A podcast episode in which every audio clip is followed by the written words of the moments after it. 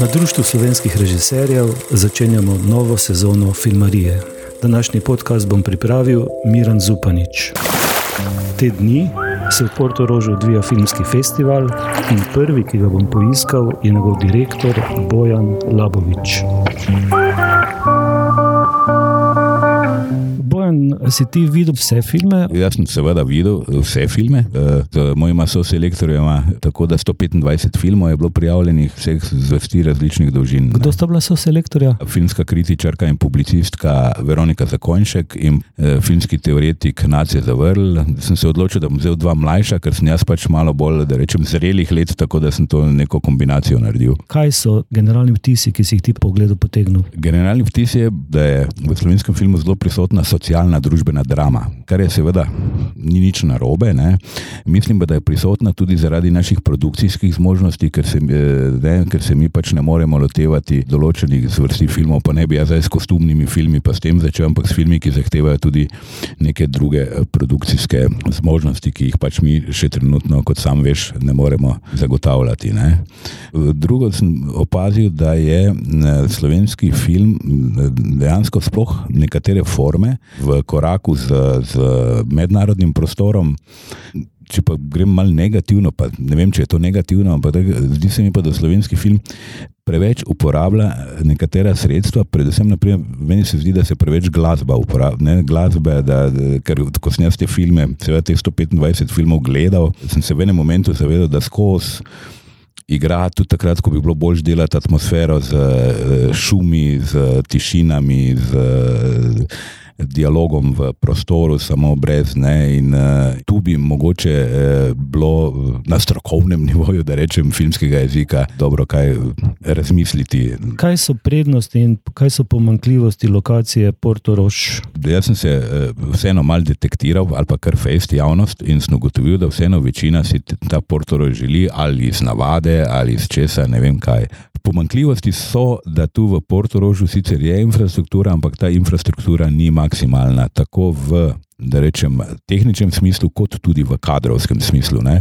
Lokalna skupnost sicer je naredila neke korake k sodelovanju, ampak ti koraki zaenkrat so, so še zaenkrat premajhni. Ne. Ko da nočejo čisto popolnoma zadihati s tem festivalom skupaj, ko, ko da nočejo ugotoviti, da gre za najpomembnejši da rečem, eh, nacionalni festival eh, na tem, naprimer, to je stvar, ki, ki, na kateri bo treba največ delati in to smo si, si že zadali, oziroma smo si zadali, da govorim v prvi osebi množine. Majčkano res se še ustavijo pri tej infrastrukturi. Dvorana auditorija Portorož je ena bolj zahtevnih dvoran, snopazov, kar se, eh, se tiče akustike. V različnih vrstah se različno sliši in je zelo težko uh, najti neki, da rečem, skupni uh, skupno, nivo, recimo, nivo da rečem, raven. Ne. Mi smo seveda edino kot festival, kar smo lahko naredili, smo reagirali takoj po, ko se je zgodilo, da se to več ne bi ponovilo in zaenkrat je to tako. Zdaj so producenti, ki pridejo in hočejo imeti tesno projekcijo, so pa producenti, ki, pridejo, ki ne pridejo. Ne? Čisto po domačem povedano, zdaj vsakega za rokice voditi, če bo imel tesno projekcijo, se mi ne zdi, ker neka skrb za film je na producentu oziroma avtorjih. Ne? Vedno, ko človek stopi v neko novo situacijo, v nek novi položaj, se mu odpre tudi nek nov horizont. Jaz sem se zdaj ogromno naučil v teh parih mesecih. Leipzig, ne? Ogromno naučil nekih, tudi, da rečem, pa ne veščin, ampak znanja o nekih področjih, ki, ki, o katerih jaz prej, ker sem pač bolj v produkciji, pa to delal, nisem vedel. Ne? Tako da to, to mi je že z tega aspekta pozitivno. Ne?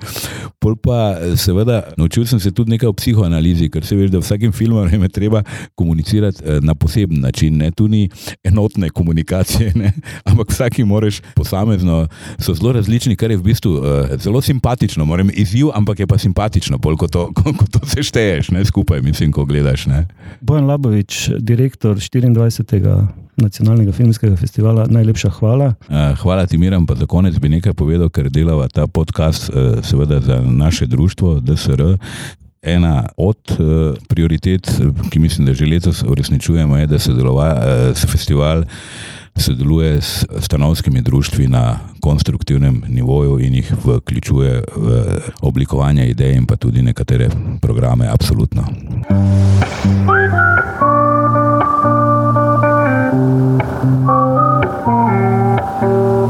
Sedim z gospodom in ta gospod se piše. Borod Bažec, trenutno sem eh, v funkciji vršilca, vršilca dožnosti direktorja auditorija Portorož. Koliko let ste že v auditoriju zaposlen? 27, od leta 93. Potem takem ste, razen če ste bili na kakem dopustu, vse skozi tudi spremljali festival slovenskega filma. Vse skozi, vsa ta leta. Od filmskega maratona na začetku do pol samega filmskega festivala ustanovitve. Pa ste tudi kaj filme gledali ali ste samo skrbeli za to, da se predvajajo? Ma, moram reči, da za filme gledati glih ni bilo veliko časa, tako da redko kašnega. V kakšni vlogi ste pa skrbeli? Mislim, kaj ste vse počeli, predtem ste Jaz sem, sem, začel sem tukaj kot tonski tehnik, eh, kasneje sem pa operativno prevzel vso tehnično izvedbo eh, festivala oziroma tudi os- ostalih preditev v auditoriju. Potem pa imamo najbolj pravega človeka, da nam razkrije misterij zvoka v veliki dvorani. Neka specifika te dvorane menda je. Ne? Specifika dvorane je v tem, da nima THX standarda, na katerega ste morda filmari navajeni. Mi dvorano vsako leto pred samim festivalom uh, zakvaliziramo na Dolby standard, se pa verjetno ne sliši enostavno zaradi od- odbojev, ki so v dvorani, tako kot bi sicer pod THX standardom se to slišalo. Ne? Uh, morda je tudi je narobe to, da se ne delajo tesne projekcije, na katerih bi morda lahko producenti oziroma ustvarjalci filmov nastavili, če nič drugega, vsaj glasnost filma, ki si jo želijo. A je res tudi to, da tudi če ti nastaviš jakost dvorane na nek optimum, oziroma torej ozvočenje na nek optimum, da to optimum ne velja za celo dvorano, ampak samo za določene segmente. Kako je s tem? To drži? Verjetno prihaja do nekaterih odbojev na določenih eh, delih dvorane, ker je pač to je čisto zaradi fizikalnih lastnosti zvoka, kako se odbija po dvorani. Kdaj ste pa vi zadnjič eh, tonsko opremo posodabljali, to, ki bi ki je namenjeno kinu? Oh, kino, kino oprema je že kar ima svoje leto, se pravi, recimo 20 let je Dolby Digital v hiši. Uh -huh. S tem, da odkar imamo digitalni projektor, je tudi nov procesor, se pravi, to je pa 3 oziroma 4 leta. A bi torej recimo z boljšo tonsko opremo se kvaliteta zvoka izboljšala? ali? Mislim, da se tonska oprema kot taka v teh letih ni spremenila toliko, da bi se to izboljšalo. Sem pa, bi rekel, skoraj prepričan, da bi z akustično obdelavo dvorane lahko marsikaj dosegli. Koliko pa mislite, da bi taka eh, dodelava akustično stala? Jo, to zdaj lahko čist Kar- špekuliram. Ja, ampak recimo od do. 20 tisoč evrov. Uh -huh. Če samo recimo naredimo, eh, ne predelamo dvorane, ampak ne vem, za zvočnike postavimo neko akustično steno oziroma nekaj, da se ta zvok ne odbija, pač s nekimi elementi v dvorani, ki bi ta zvok razbili. A vam država kaj sofinancira opremo? Ne, čisto nič. Mi Čisto smo nič. lokalnega značaja in smo občinski. Vi občina ste v bistvu občinski zavod, Ja. občinski javni zavod. Velik zavod za tako malo občino. Eh, Je velik zavod, eh, naša težnja je, da smo regionalnega pomena. Moram reči, da smo v zadnjih letih morda izgubili malo ta širši, širši lokalni eh, pomen. Imate tudi sicer tako malo udeležbo domačinov. V bistvu je naša publika samo domačini za naš redni program. Pridejo mogoče iz Kopra, drugače so pa zelo lokalni. Festival in mi smo naredili veliko, da bi privabili čim več publike lokalne, celo tako, da so bile zastonj stopnice za domačine, za, za občane Pirana, vendar tudi to ni pomagalo. Zakaj? Ali s film kontakt ni zanimiv, ali bi morda morali v promocijo dosti več vložiti in da cel kraj živi s filmskim festivalom in da je to dosti bolj obeleženo in spromovirano, tako da ljudje dobijo občutek, da se nekaj dogaja v mestu. Kakšna pa je ta populacija filmarjev, ki jo vi spremljate zdaj več kot skoraj že torej 30 let? Kaj smo, v čem posebni, ne posebni? Posebni ste, če lahko rečem posebni, ker ste ustvarjalni, ker ste drugačni, ker se ne držite nekih ustaljenih tirnic, ker se imate pri nas enostavno fajn, ko pridete na morje in živite s tem festivalom in eh, vidimo, da vam je všeč, da ste pri nas in, in da komaj čakate, da festival se odvija in to uživo, ne recimo kot lani, ko je bilo preko spleta, tako da dobrodošli in imejte se fajn še naprej. Kakšno vlogo, po vašem mnenju, igra šank pri festivalskem dogajanju? O, mislim, da kar veliko. Pred leti bi rekel, celo eh, večji del festivala se odvija za šankom, zdaj mogoče malo manj, vendar še vedno. Res, da imamo sicer novo prizorišče, eh, Monfort, v katerem je tudi šank in večerno dogajanje, tako da je mogoče v auditoriju malo manj tega dogajanja. Se pa spomnim leta nazaj, še morda tudi, ko je bil filmski maraton, ko so se projekcije ne na zadnje začenjale ob polnoči in so filmari tako rekoč zasedli šank 24 ur na 24, tako da so bili drugačni časi morda, ampak še vedno veliko vlogo odigra. Šank je eno najpomembnejših prizorišč. Torej. Vsak dan v istem šanku je bilo. Tako, vsak dan v istem šanku je. Cel, cel teden. Ni bila okrogla miza, ampak šank miza. Šank miza, šank miza. Najlepša hvala za pogovor. Jaz moram reči, da se res tukaj fino počutimo, dobro počutimo, da si želimo boljših tehničnih pogojev in upam, da vas bo od nekod doletelo tistih potrebnih 10 in 10 tisoč evrov, zato da pridete do, do te dodolave. No, lahko še jaz izkoristim ja, priliko ja. in vas povabim, da javno poveste, da dvorana morda ni najbolj primerna. Uh Mhm. -huh. Zato tudi, tako. če tako rečemo, oblastniki slišijo, tako. da je potrebno vlagati v to dvorano, ki je ne na zadnje, naslednje leto praznuje 50 let uh Mhm. -huh. in je taka, kot je bila pred 50 pred leti. 50 leti. Torej, hvala lepa in se vidimo ali pri šanku ali pa pri, pri dvorani. Ne? Ok, pri hvala. šanku. Hvala, živijo. Hvala.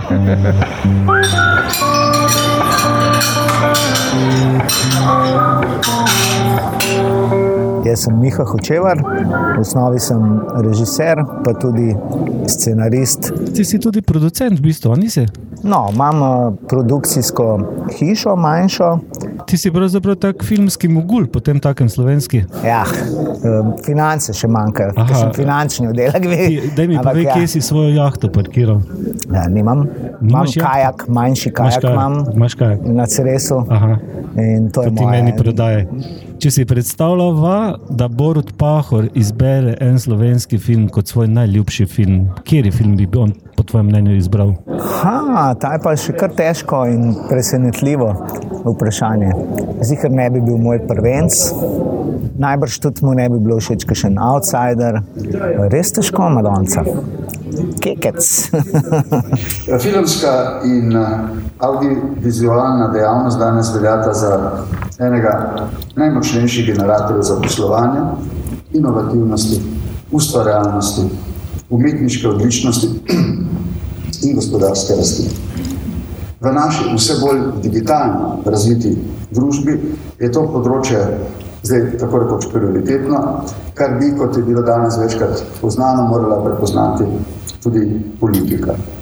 Bil sem na otvoritvi festivala, kjer je bil tudi predsednik republike Borut Pahor, ki mi gre zelo na živce, ampak sem se za voljo ljubega miru in neke spodobnosti zadržal, da nisem ali kričal, ali psoval, ali uh, žvižgal, ali kaj podobnega.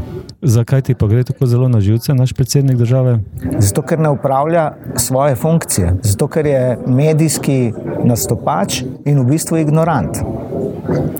Zlorablja pozornost ljudstva tam, kjer mu ustreza, da se mečkan še posonči v, v siju žarometov. On nam je sicer tako malo med vrsticami in brez nekih večjih zavez nakazal, da bi se lahko vremena, finančna vremena filmu mogoče celo kaj izjasnila. Koliko daš ti na te njegove besede? Prav nič. Nekoč sem bil optimist, zdaj pa nisem več optimist, čeprav še vedno verjamem in bom delal na tem, da se nam stanje izboljša. Ampak to, kar je on govoril, je itak prepisal iz naših načrtov, ki jih izdajamo tudi v raznih zbornikih, ki se tudi imenujejo tako kot tale podcast Filmarija.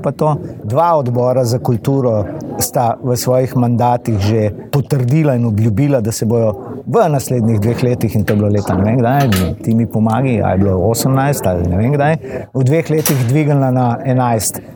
Mi hočemo programskih sredstev 11 milijonov, še to je premalo, mora biti še mnogo, mnogo več, glede na pomembnost AV sektorja. Ampak ne. In to, kar je govoril, je pač bilo flancanje, sajenje rožic, kot običajno, in spet se bojim, da se ne bo premaknil. Če dava na tehnico, na eni strani sistemsko skrb za film, na drugi strani pa pripadnost filmu, entuzijazem, želja po filmu, strast do filma, v kakem razmerju ta dva elementa, po tvojem mnenju, poganjata kinematografijo naprej? Ja, bi rekel, da to, kar si na zadnje povedal, ta entuzijazem je motor, ne, ta naša ustvarjalna potreba, ta zagon, ki ga imamo, pa to, da te potem ekipa po, po, ponese in reče: Dajmo, dajmo, dajmo to stisniti, dajmo narediti. Potem tudi reakcije gledalcev, seveda, to tudi spada v ta sklop. Ampak seveda brez te druge plati, brez sistemske podpore pač ne gre. In ta sistemska podpora pri nas vedno malo zamuja ali pa zelo zamuja. Ampak moram reči, letošnji festival, recimo, kar sem videl, ne morem vsega poloviti. Kar sem videl, ti moram reči, obljubim in ne lažem, kar sem videl, nisem videl ene slabe stvari. Totalno sem fasciniran, kakšen nivo uh, smo, so uspeli doseči kolegice in kolegi v teh zadnjih letih. Male ekipe delajo uh, super uh, nivo produkcije, stvari izgledajo dobro, slišijo se dobro, predvsem so pa izvirne in imajo vsebino. En tako majčkan prostorček, kot je ta Slovenija, pa toliko različnih pristopov, avtorskih, vsebinskih, estetskih, etičnih, ne vem kako, to ne boš videl uh, kar tako zlahka, ne po Evropi, ne po svetu. Stalno se nas podajo v en predajček, ex-slovenski film, ne gledal. In pa rečeš, pa kdaj, kjer ga si pa nazaj ne gledal? No, vem, nisem glih kaj dosti, poletje v školki. To je človek prvi film, kjer sem bil jaz asistent. To je bilo leta, ne vem, 85, kdaj. Halo. Kaj si ti obetaš v naslednjem, recimo, 4-5-letnem ciklusu v razmerju oblast-kinematografija? Ja, no, jaz upam, da bojo te volitve. Ne? Ker, kar zdaj zgleda, ne samo, da ne bo predčasnih, mogoče bojo volitve kar prepovedali z odlokom tele, ki nam trenutno vladajo. Potem, ko se bodo stvari spremenile in upam, da se bodo zares korenito spremenile, bo pa treba še bolj intenzivno kot doslej gledati pod prste tem, ki prihajajo. Mi smo na raznih pogovorih, ko obiskujemo parlament zaradi naših pač, legalnih lobiranj v prid filma, govorili, da to bo treba spremeniti korenito. Ne zdaj, ko boste pa vi prišli na oblast, pustimo zdaj, kdo bo in kakšna bo to neka čudna koalicija, upamo, da bo neka normalna, sredinska, zdrava, razumska in nekriminalna, da bojo se začeli lotevati stvari drugače, ampak korenito drugače. Da ne bo zdaj, ja, zdaj, ki je tale Janša šel, ne, zdaj bo pa problema, veš, zdaj le deset let nam omel nič, ne, fantje, ni denarja, zmer bojo rekli, ni denarja, 700 milijonov bo šlo mirno še naprej za prekleto jeklo ubijalsko, mi za teh 11 milijonov bomo pa spet morali še par let stisniti, mečkam pa počakati. Ja, ne, prijatelji moji, tovariši, dragi in ljube šefice, ne bo šlo tako. Ne bo šlo. Dejstvo je, da se je v zadnjih 30 letih zelo, zelo pogosto dogajala tudi nenačelna koalicija med delom filmske scene in vsakokratno oblastjo, kjer so potem ti ne načelni, bom rekel, predstavniki stroke, nekako reprezentirali stroko in od tega tudi dobivali neke koristi. Imáš ti kako mnenje v zvezi s tem? Strinjam se, da so bili taki primeri, ampak se mi zdi, da so vedno bolj na, na nivoju ekscesa. Da je 90 odstotkov akterjev sodelujočih v tem celem procesu, v tej celi krajini filmski, eh, poštenih.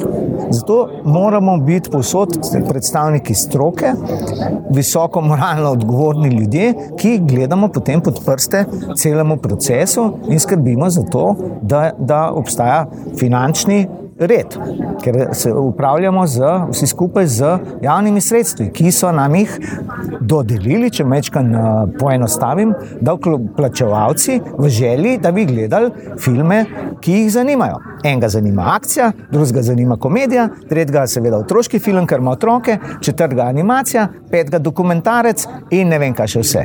Če bi mal, mal ulagali in izobrazili, rabimo tudi mal zagonskega. Kako ne en mlad človek, ki mora preživljati čez raven 30 let, je star, ima otroka, ima punco, plačuje ta 800 evrov za stanovanje, kako ne on si vzame tri mesece, da bo napisal scenarij? Kako, če more te zgariti iz dneva v dan? Pa ne kličem, ki rečejo, paraziti ste itak. Ja, ne, nismo, ja, ne, vsi delamo nekaj. Ne. Eni ste e, v učno-vzgojnem procesu, eni delamo v glase, ki so tudi del e, tega, tega segmenta, eni televizijske serije, eni dokumentarce, eni pa še kaj, tudi kaj, kar sploh ne spada zraven v to režijo. Vozijo kombije, ne vem. Ok, Miha, stav ja. lahko narediva mi dva šest filmarij. Ti sam poklič. Música jaz sem Zala Para, delam za Vertigo produkcijo kot producentka, tudi asistentka produkcije in tudi kot line producentka. In zakaj prihajaš na festival? Zaradi tega, ker mi je ful lepo videti, kaj delajo kolegi, filmski ustvarjalci, ljudje, s katerimi delam.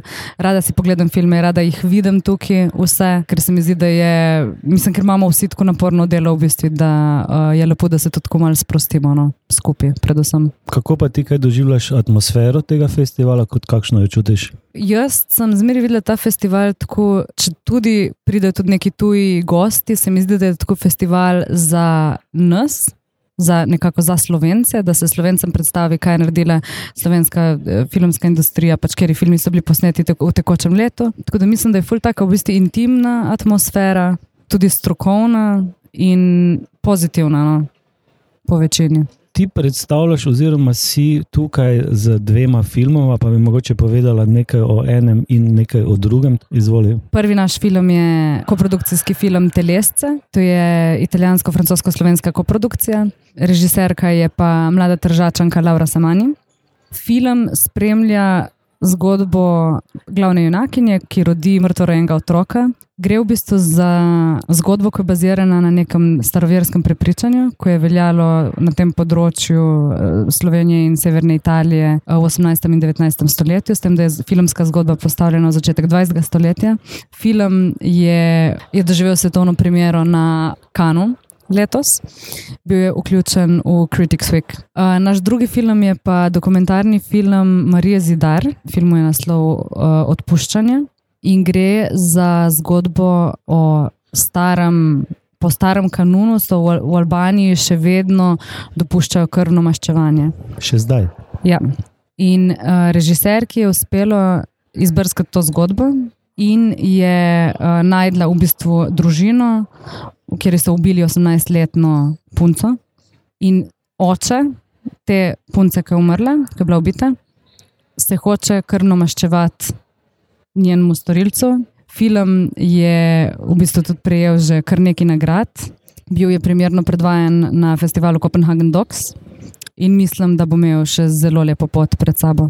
Ti si študirala produkcijo kje? V Angliji. Kako pa to, da si se odločila za Anglijo? Videla sem neko možnost, v bistvu, da, se, da bi se lahko ful naučila, in tudi sem vseeno, tako da mi ni žal. In to si šla takoj po gimnaziji, ali si še kaj vmes študirala? Jaz sem vmes študirala eno leto modnega oblikovanja. Potem sem šla pa na visoko šolo za umetnost, ki se je tisto leto preselila v Staro Gorico. V drugem letniku pa sem šla pa na izmenjavo v Falmouth, uh mhm. -huh. to je Cornwall, to je jugozahodna Anglija. Uh mhm. -huh. Zato um, univerzo sem, sem se pa odločila tega, ker je uh, bila v bistvu dve leti ali tri leta zaporedoma označena za najboljšo univerzo v Angliji, filmsko. Pol sem pa vprašala, če lahko diplomiram gor, tako da so me sprejeli. Prostor v Angliji oziroma Veliki Britaniji, pa potem še čez Atlantik, je seveda veliko bolj perspektiven. Kaj je prevagalo, da si se vrnila nazaj v Slovenijo? Kvaliteta življenja. Mislim, dejansko prevagano. Dejansko, ko prideš v ene države in ko je na dnevni ravni problem tudi, da nimaš pitne vode iz pipe in da moraš non-stop kupovati um, ustekleničeno vodo, pa tudi, da nimaš gozda na čist blizak, neko, kar ga imamo v Sloveniji, v bistvu skoraj kjerkoli dejansko so to stvari, ki sem jih ful pogrešala in so prevagale. No. Ko govorimo o tujini, ima um, povprečen slovenec vedno predstavo, da je tam zunaj lepše in boljše kot je pri nas. In je zdaj vprašanje, ali se mi kvalitete življenja, takega kot ga dejansko živimo, sploh zavedamo. Kaj ti misliš? Ma ne, mislim, da si ne. Zaradi tega, ker um, mislim, da večina ljudi vidi in ocenjuje tujino v bistvu samo na tem, da gre nekam za nek dopust in so v bistvu polni nekih impresij, ampak impresije in realnost so dve zelo različne uh, stvari, kar mi, filmari, najbolj vemo. Kje ti vidiš razvojne perspektive slovenskega filma? Torej, odkar jaz spremljam celo to evropsko in slovensko filmsko sceno in kako pač v, ka v kakšno smer nekako gre, recimo dve teme, ko so pogla poglavite uh, v povezavi s filmom filmsko industrijo so VOD platforme in serije. Pač to so tako te, te dve teme, recimo, ko se pojavljajo tudi, kadar je debata o celovečernih filmih in o avtorskih projektih in o razvoju in o možnostih. Zdaj pri teh platformah z videom nadaljavo ali pa pri teh televizijskih nadaljevankah bodo verjetno imele prednost tiste države ali pa tiste kulture, ki so mnogo številčne. Zdaj tukaj bo izziv mlade produkcije, zagotovo tudi ta, kako uskladiti interese ali pa mož, zmožnosti produkcijske malega okolja. Pa pravzaprav vendarle zahtevno in drago produkcijo, ki naj bi konkurirala še veliko dražjim produkcijam. Kako, mislim, imaš ti tu kakšno misel v zvezi s tem? Mislim, ena stvar, recimo, ko je zelo naklonjena temu problemu, so koprodukcije.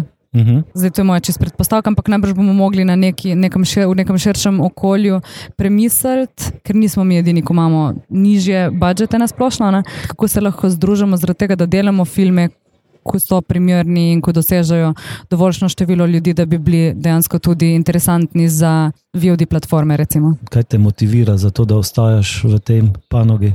Jaz imam rada film že od zmeri, odkar se spomnim. Je prepleten v moje, vse pore mojega življenja, zmeri bolj, seveda. Sem pa imela prav tako dve situacije, ko so se mi zgodile v uh, življenju, v filmski industriji, ko so mi tako ful pri srcu in ko so pač tudi bile ful, najbrž pač velik dejavnik, zakaj sem uh, se pol odločila tudi tu delati in zakaj to delam še naprej. Prva je bila, ko smo z enim študentskim filmom, uh, imeli smo ga predvajanja na Bafti v, en, v enem pač manjšem uh, festivalu in pač tam je bila neka skupina, ne vem, 50 nas je bilo recimo v dvorani uh, in so predvajali pač te izbrane filme, to selekcijo. In po vsakem filmu, in kadar so podelili vsako nagrado, so pač so ekipe, ko so bile v publiki, tako iskreno ploskale in bile vesele za tiste ljudi, ki so dobili nagrade in ko so pač uspeli posneti te filme, zaradi tega, ker posnet film je tako težko. In takr, v tistem trenutku sem dobila neko tako. Neko tako toplin, neka taka toplina me je obdala, že samo ob, mi, ob misli, da vem, so te ljudje, s katerimi se sploh nismo poznali, sposobni take, takega sočutja in veselja za sočloveka, ko dela v isti industriji, zaradi tega, ker vejo enostavno, kako je težko in kako delajo v to upletenga. Druga pa je bila ta, da polk, da sem začela enkrat hoditi na te festivale, uh, sem tudi tako nasplošno opazila, da v bistvu smo filmari zelo odprti, prijazni, racionalni tudi. Zaradi tega, ker se mi zdi, da nasplošno prihajamo v kontakt s toliko različnimi ljudmi in s toliko zgodbami, da moramo ohranjati odprtost da jo lahko pol tudi delimo.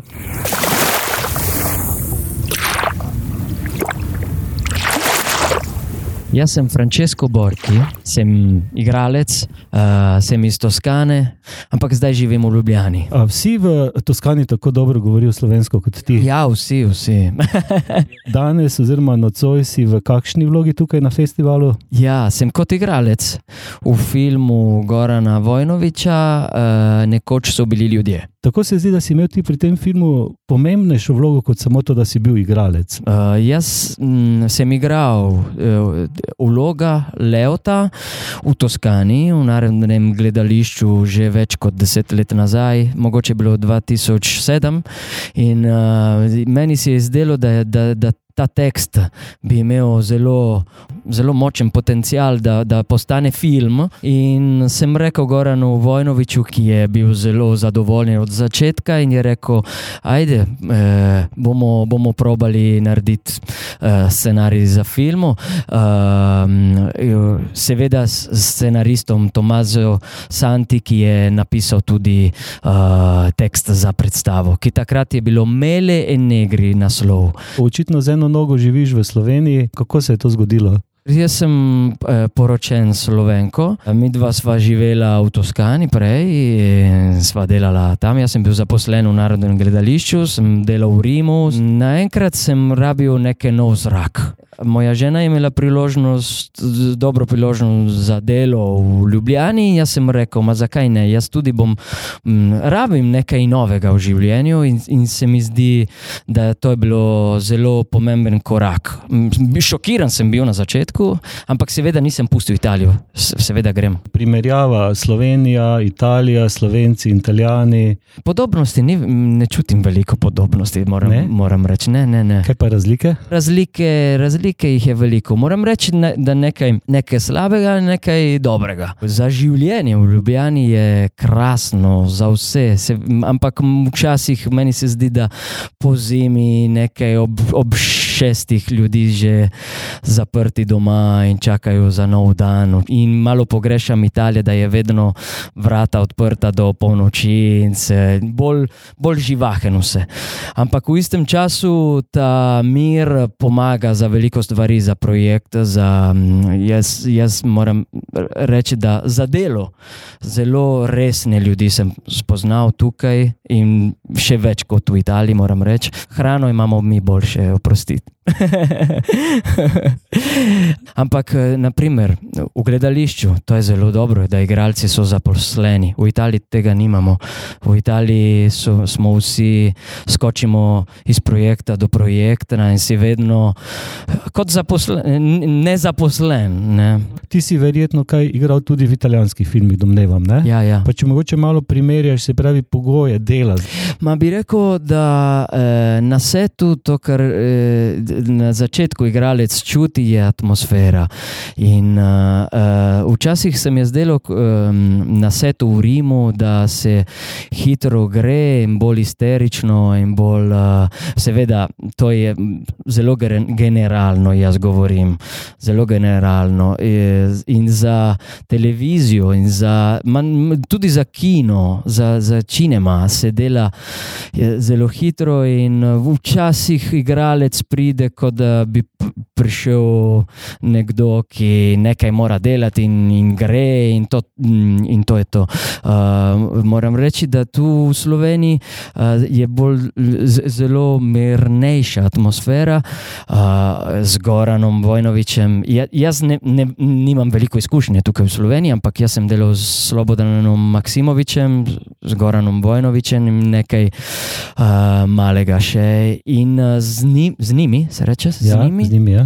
Uh, moram reči, da se ti je bilo odlično, in uh, igralec uh, vedno ve, kaj mora delati, ker je stalno dialo dialoga z režiserjem. In uh, mi je bilo zelo všeč, zelo všeč. Ja. Super izkušnje so bile za me. Kakšne filme bi želel ti v Sloveniji, reči, snemati? Ah, ta lepo vprašanje.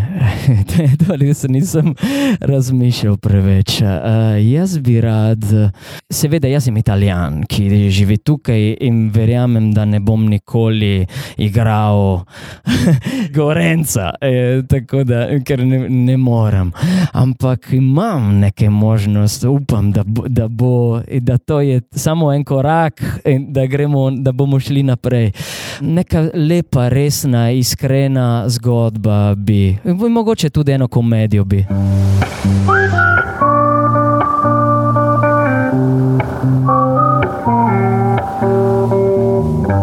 Moje ime je Nataša Bučar, sem direktorica Slovenskega filmskega centra že peto leto. In kako se človek po petih letih direktorovanja tako zapletene in tako pod udarom ustanove počuti? Po petih letih so zelo mešani občutki, pa vendarle mislim, da jih lahko najbolj utemeljim na način, da rečem, da.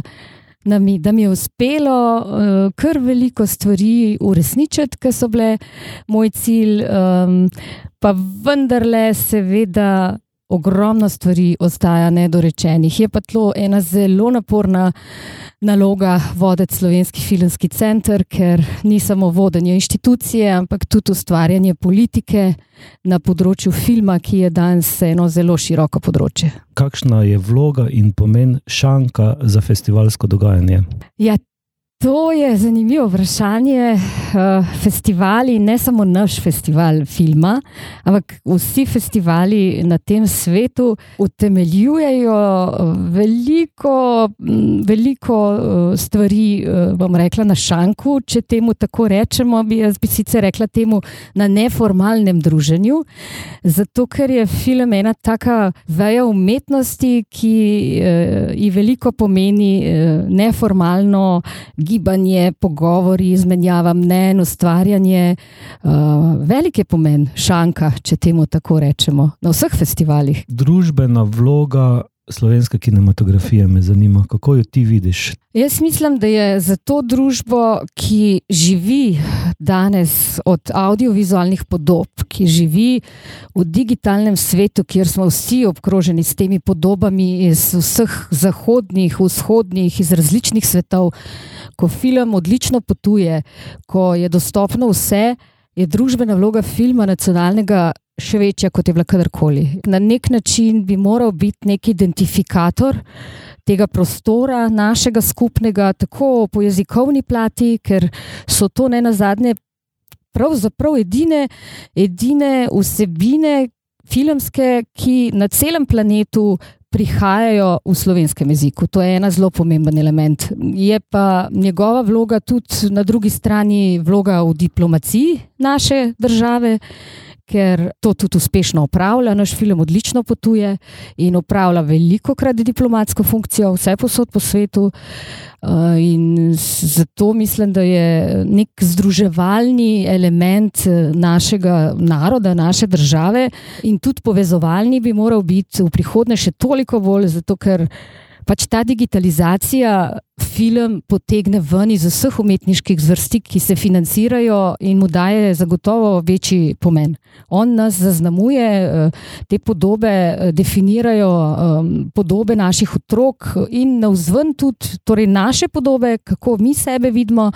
Kakšne so zgodbe našega prostora, na drugi strani pa tudi neko identifikacijo ponuja, ko nas gledajo od zunaj, nas gledajo skozi to, kakšen film imamo kako globoko v srč stvarnosti, po tvojem mnenju, prodirajo posamezni slovenski filmi. Ne za vsi, ampak veš tisto, da v nekem filmu rečeš, zdaj pa vem nekaj več ali čutim nekaj drugačnega.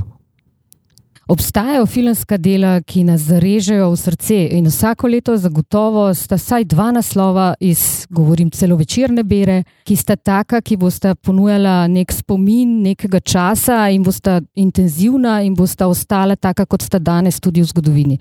Če bi mi delali na leto 20 filmov, bi bilo takih verjetno pet ker jih naredimo pet, sta taka dva in to se mi zdi kar velik uspeh. Jaz mislim, da, da je moč v naših avtorjih, ki prenese to, da, da se tudi tako družbeno nekako postavi film, da, da se zareže v srce, da te enostavno odideš ven in, in nosiš to vsebino v sebi in jo premišljuješ lep čas. No? Bi mogoče nam zaupala, ker je filmi ti tako delajo, ali bi to ja, zdaj potem mogoče ja, indiskretno vprašanje. Ne, vedno ja, sem, ja. sem nekako nekako postopala na način, da nisem dajala v spredje nekih filmov. Pa vendarle moram reči, da sem v zadnjem, v zadnjem obdobju dobila samo zavest, nekak, da, da to vendarle včasih je potrebno narediti. Vsaj, če pogledamo nazaj, za mene osebno je to bil med zadnjimi filmi film Posledice, Darka Štanteta. To je bil film, ki sem tudi gledala občinstvo, moje kolege, filmske direktorje, direktorje fondov, selektorje, ki jih je v bistvu ta film zares odnesel in presenetil in zaznamoval. Tako da to je bil en tak, v bistvu je bil v produkcijskem smislu to majhen film. V, v resničnosti, v kinodvorani za gledalce je bil pa to film, ki mislim, da čez 50 let bo popolnoma na enak način deloval na gledalca, kot je deloval takrat, ko smo premiero gledali. Mene je definitivno zelo nagovoril, govorim zdaj tako, kot smo gledali uh, San Remo in pa tudi Inventura, ki se mi pa sploh zdi izjemno lucidna, Inventura je globlja, bolj organska, bolj inventivna, tudi v filmskem jeziku, kot je recimo Morena. Ne samo pač Morena, ima po eni strani ta glamur, zdaj že očitno odkana, tudi aura, očitno avtorica je dovolj močna, plus ima v bistvu temu, ki je na nek način verjetno se dobro prodaja. Tak arhetip eh, eh, Jadrana. Ja, ja, pa tudi to, se veš, do, moška dominacija, ženska trpnost na eni strani, osvobojoča se ženskost na drugi strani, itd. Ne? Ampak Darko film, recimo, meni zelo veliko v zavesti te nemoči tega malega slehenika in paranoje in razpada vseh sistemov v bistvu. Ne? Zato mislim, ja, da nas filmi na nek način vedno znova vračajo v razmislek, kakšni resničnosti sploh živimo, kdo sploh smo in da je to pravzaprav ne nehen proces preizpraševanja skozi film. Ne? In tu seveda zdaj, hočeš, nočeš, prideva do naslednjega vprašanja. Namreč, ti si tudi v svojem nagovoru eh, na torej, uvodni prireditvi izpostavljal pomen kinematografije oziroma audiovizualne dejavnosti za Evropo. Mogoče bi tukaj to malo bolj izpostavila, več povedala o tem, še malo dodatno argumentirala, prosim. Evropska komisija je v celotnem tem procesu digitalizacije in zavedanju tega, da so se stvari spremenile, da nas digitalizacija preoblikuje cel, cel prostor in cel svet v nekaj drugega, se je Evropska komisija v bistvu že pred nekaj leti zavedla, da je prioritetno področje audiovizualno področje in film v Evropi in spodbuja k temu tudi, seveda, države članice. Kako to Evropska komisija kaže na več načinov, med drugim tudi na ta način, da od celotnega budžeta, ki ga ima Evropa za področje kulture, umetnosti, 40% budžeta gre za audiovizualno področje. To pomeni, da če bi po tem vzoru nekje vse države ravnale v tem razmerju, bi tudi pri nas 40% denarja, ki ga ima Ministrstvo za kulturo, eh, nekako po logiki prihodnosti in sedanjosti, moralo iti za to področje. Zelo pomembno je pa Evropa prepoznala v še eno stvar na tem področju filma in sicer to, da, je, da spodbuja koprodukcije. Evropa je v bistvu v svojem boju za za neko pozicijo, močnejšo, za ohranjanje te najmočnejše pozicije, ki jo ima napram Ameriki, recimo Kitajski, Rusiji, prepoznala, da je film in AV tisto področje, kjer je lahko močna. In se lahko v bistvu postavi v bok. In zelo, zelo veliko je, seveda, uh, bazirano to na sodelovanju med različnimi filmarji, po Evropi. In te koprodukcije so nekaj, kar Evropa spodbuja, namenja temu ogromno denarja in nekako poskuša države prepričati, da je to prioriteta. Dovolj pod vprašanje. Ti si vendarle v tem informacijskem toku na nivoju torej celotne Evrope, ne? se pravi preko direktorjev skladov oziroma teh nacionalnih organizacij. Pa me zanima, v kakšni meri je ta država oziroma ta politika na audiovizualnem področju tudi obramba proti prodoru ameriškega ali kapitala ali ideologije, ki se preko audiovizualnih produktov pravzaprav plasira. Jaz mislim, da je to skoraj osnovno vodilo Evrope. Zdaj teče ravno debata v okviru slovenskega predsedovanja, tudi kako v bistvu preprečiti, da se ameriške vsebine s pomočjo koprodukcij, ki jih dobivajo umetne koprodukcije, veliko krat, torej v Združenem kraljestvu, ki je izstopilo iz Evropske unije, ima pa še vedno status evropskega filma.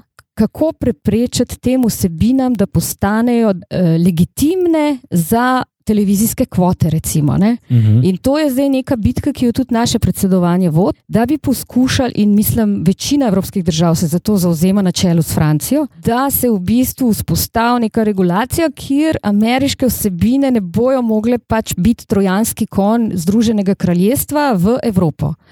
Tako da Evropa se zaveda tega, da je potrebno vzpostaviti in ojačati to področje, predvsem, seveda, napram ameriški tudi ideologiji na nek način, ki seveda jo je desetletja uh, Hollywood ustvarjal, zdaj pa ustvarjajo te pretočne platforme, kot je Netflix, kot so uh, druge podobne platforme, ki. Funkcionirajo tako, kot so filmski studii v Hollywoodu včasih uh -huh, funkcionirali. Uh -huh, uh -huh. Ampak partnerje iščejo v Združenem kraljestvu največkrat, ker je isto jezikovno okolje, kjer je približen enak, rekla, ekonomski potencial, in, in na tak način se zdaj Evropa bojuje proti temu, da uh, bi bile evropske vsebine nekaj drugega in da trojanski kon uh, nima možnosti vstopa. Zagotovo je Ameriki uspela v prvi fazi kulturna, da rečem, invazija Evrope, potem pa v naslednji, pa potem ekonomska. Ne? In zdaj tukaj je ta obrambna država na nek način razumljiva, ker pravzaprav se naše samo občutenje, seveda, potem spremenja z ozirom na vzorce, ki nam jih vsajajo, torej recimo iz Amerike. Ne? Se pravi, ali mi sploh pripovedujemo svoje zgodbe, imamo sploh še svoje občutke, ali smo samo na nek način se prefiltrirali skozi neke tuje filtre, ki so nam bili dobesedno na dnevni bazi uh, plasirane. Ja, in tukaj ravno ta specifika Evrope, da ima vsaka država svoj nacionalni filmski center, ki skrbi za to kulturno raznolikost Evrope, ki skrbi za to, da so te vsebine neke, da imajo visoko kulturno vrednost, da se pripovedujejo zgodbe iz različnih prostorov, da se pripovedujejo zgodbe v različnih jezikih. Uh -huh. To je ta kulturni boj, ki ga Evropa spodbuja in ki ga gradi napram Ameriki, Uh -huh. ki seveda je ekonomsko. Absolutno invazivna v tem smislu. Ne? Pa je med vami direktorji, bom rekel, občutje, da so te nacionalne kinematografije, da so lahko kos tej invaziji. Je zelo zanesljivo lahko rečem, da pravzaprav skoraj vse članstvo, vsi direktori filmskih centrov, ki se veliko srečujemo, veliko izmenjujemo eh, informacije, da stojimo nekje na tem stališču, da se za to zauzemamo, vse pa na koncu sloni na francozih. Ki so absolutno največji ambasadori evropskega filma eh, in tudi najmočnejši uh, v tem boju, bom rekla, kulturnem boju evropskega filma. No, in zdaj, če smo do te mere izpostavili pomen audiovizualne dejavnosti za evropsko kulturo, seveda tem bolj čudi ta absolutno mačehovski desetletja trajajoč odnos seveda oblastnega oziroma političnega razreda vsakokratne oblasti, torej do kinematografije nacionalne. Kje ti vidiš vzroke za to na nek način slepoto in malomarnost pri upravljanju tako pomembnega segmenta družbenega interesa, ker končni cilj skrbi politike za recimo filmsko, kinematografsko, audiovizualno produkcijo, seveda ni ta dejavnost, ki to ustvarja, ampak naslovniki, se pravi publika. Se pravi, v resnici je najbolj prizadeta publika, ker ji torej manjka domačih vsebin. Kje vidiš ti torej razloge? Ja, jaz več let zdaj že ko razmišljam, kaj bi lahko bil vzrok, da v 30 letih film ni mogel postati prioriteta kot v večini evropskih držav, v Sloveniji nikakor ne. Pravzaprav ne najdem tega odgovora. Vse, kar se ponuja na prvo žogo, je to, da ljudje, ki v politiki sodelujejo, to je vedno od ljudi odvisno, da ni videti ljudi, ki bi bili nekako, ki bi poznali, ki bi cenili, ki bi spoštovali to, ki bi razmišljali o tem.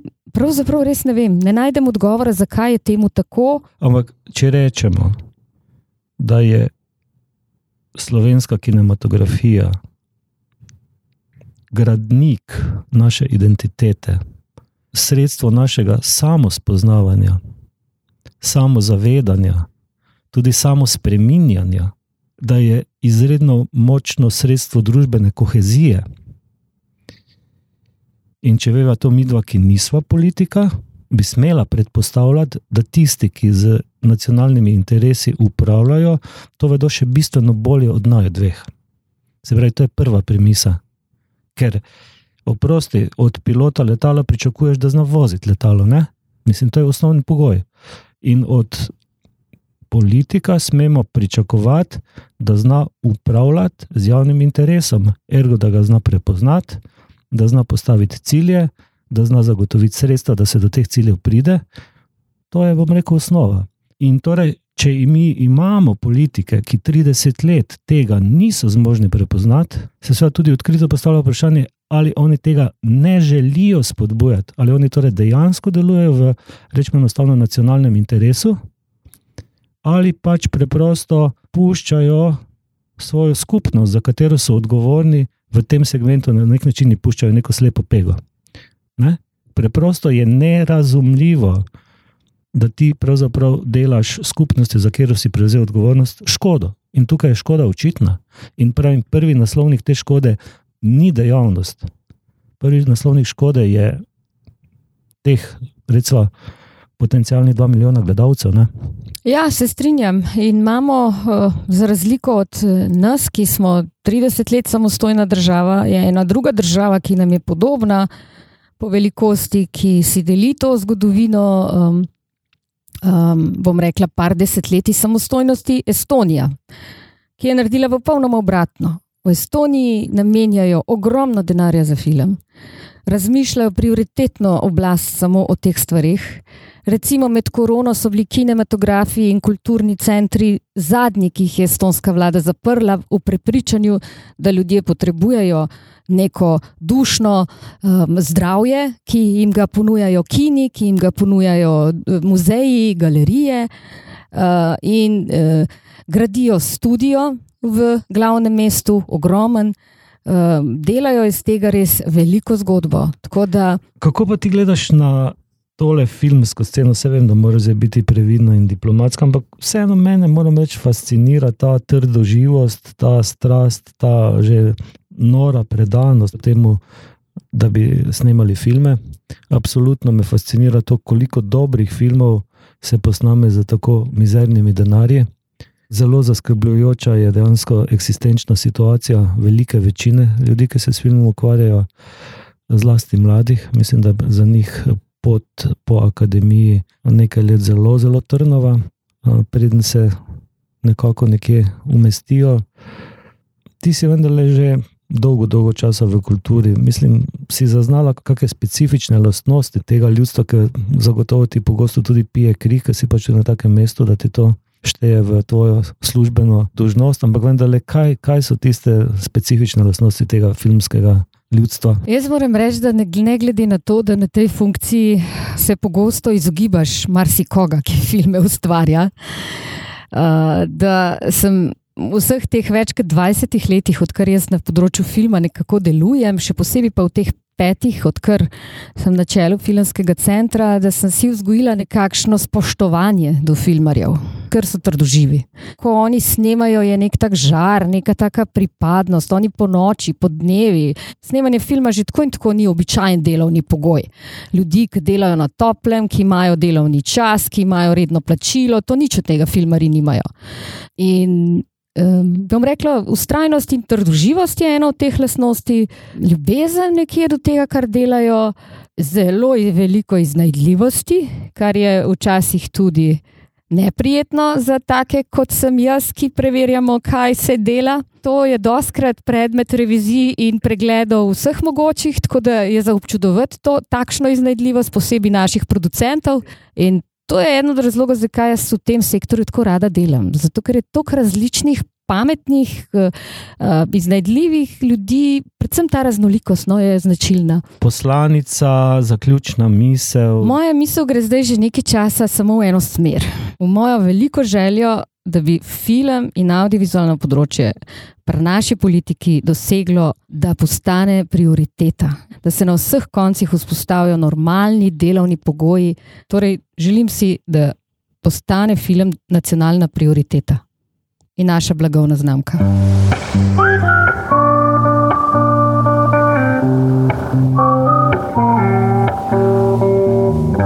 Sedim na terasi ribje kantine Fritolin enem najpomembnejših prizorišč vsakokratnega filmskega festivala in z mano je gospod, ki se piše kako. Sefovski Amer, glavni natakar v Fritolinu. Delamo že leta tukaj, skoraj 15 let. Leta in leta sežemo te festivale, filmarje. Na, na, na splošno so dobri, dobri gosti, prijazni, ljudni in strpni da rečemo tako, niso tako po navadi kot ostali. Hočete reči, da smo filmari bolj strpni od drugih gostov? Približno ja. Približno ja. Drugače, drugače imamo vse vrste gostov, tukaj neki nestrpni, neki nevoljudni, nek, nedočakani, kadar je gužva. Je pa vaš eh, lokal dejansko tako, bi rekel, oblegan v teh urah kosila, da vidim, mislim, vidim in vem, iz vlastnih izkušenj, eh, da počakamo lahko tudi 20-30 minut, ampak počakamo. Ne? To je dokaz, da je lokal dober in da je nekako priljubljen. Priljubljen, priljubljen imamo frišne ribe, dvakrat, trikrat na teden prihajajo frišne ribe, vsake dan je frišno, kuhamo te juhe, brodete, pašte, vse sproti. A ste vi že kdaj bil na kateri filmski predstavi tega festivala? Ne, nisem bil. Zakaj pa ne? Rad bi šel, ampak čas nas preganja, ne moremo, imamo lih, kar, kar takrat delamo in moramo našo službo upoštevati. Vse res, vi imate tukaj lokal odprt do 22. ure zvečer, ne? potem je treba še pospraviti ne? in pole človek tu je že utrujen. Teda bi mogoče morali za vas kakšne posebne projekcije organizirati, ne vem, devetih do povdan mogoče.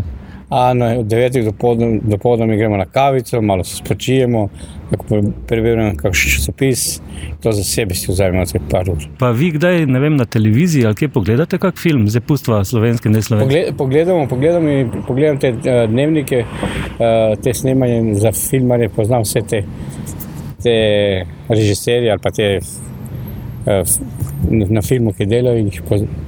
Se pravi, v bistvu iz medijev. Iz medijev, iz medijev, iz, iz medijev poznam. Potem ja. pa pride sem k vam živo. Ne? Ja, na ribe. Ja. Ne, veste, kaj je v bistvu, mogoče morali pa narediti eno specialno projekcijo za vas tukaj, na licu mesta.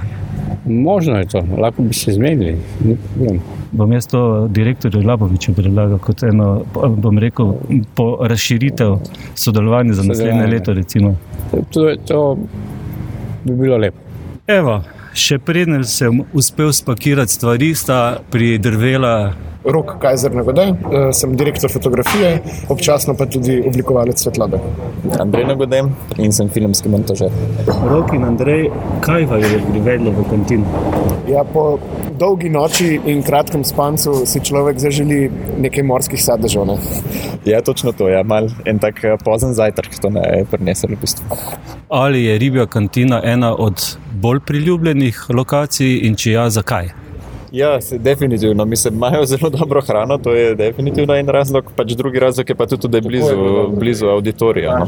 V preteklih letih se mi zdi, da smo ob obali iskali mnoga kulinarična doživetja, ampak na koncu smo se vedno, uh, bi rekel, ob treh popovdne, ker je bilo posod druge že vse nekako polno, smo se obrnili k ribi kantini in tukaj zagledali stare filmske mačke in si rekli, tukaj bi mogli začeti. No. Bojan Labovič, direktor letošnjega festivala, je uvedel eno, po mojem, zelo dobro novost, mislim, eno od zelo dobrih novosti je zagotovo navzočnost študentov na festivalu, malo bolj sistemska, eh, trajnejša, tudi malo boljše financirana, kar se tiče njihove namestitve. Kako vidva gledata na to potezo, oziroma na to, da sta torej že prehodila pot od študentov, brucev, pa do tega, da sta zdaj mlada, uspešna, perspektivna filmska ustvarjalca?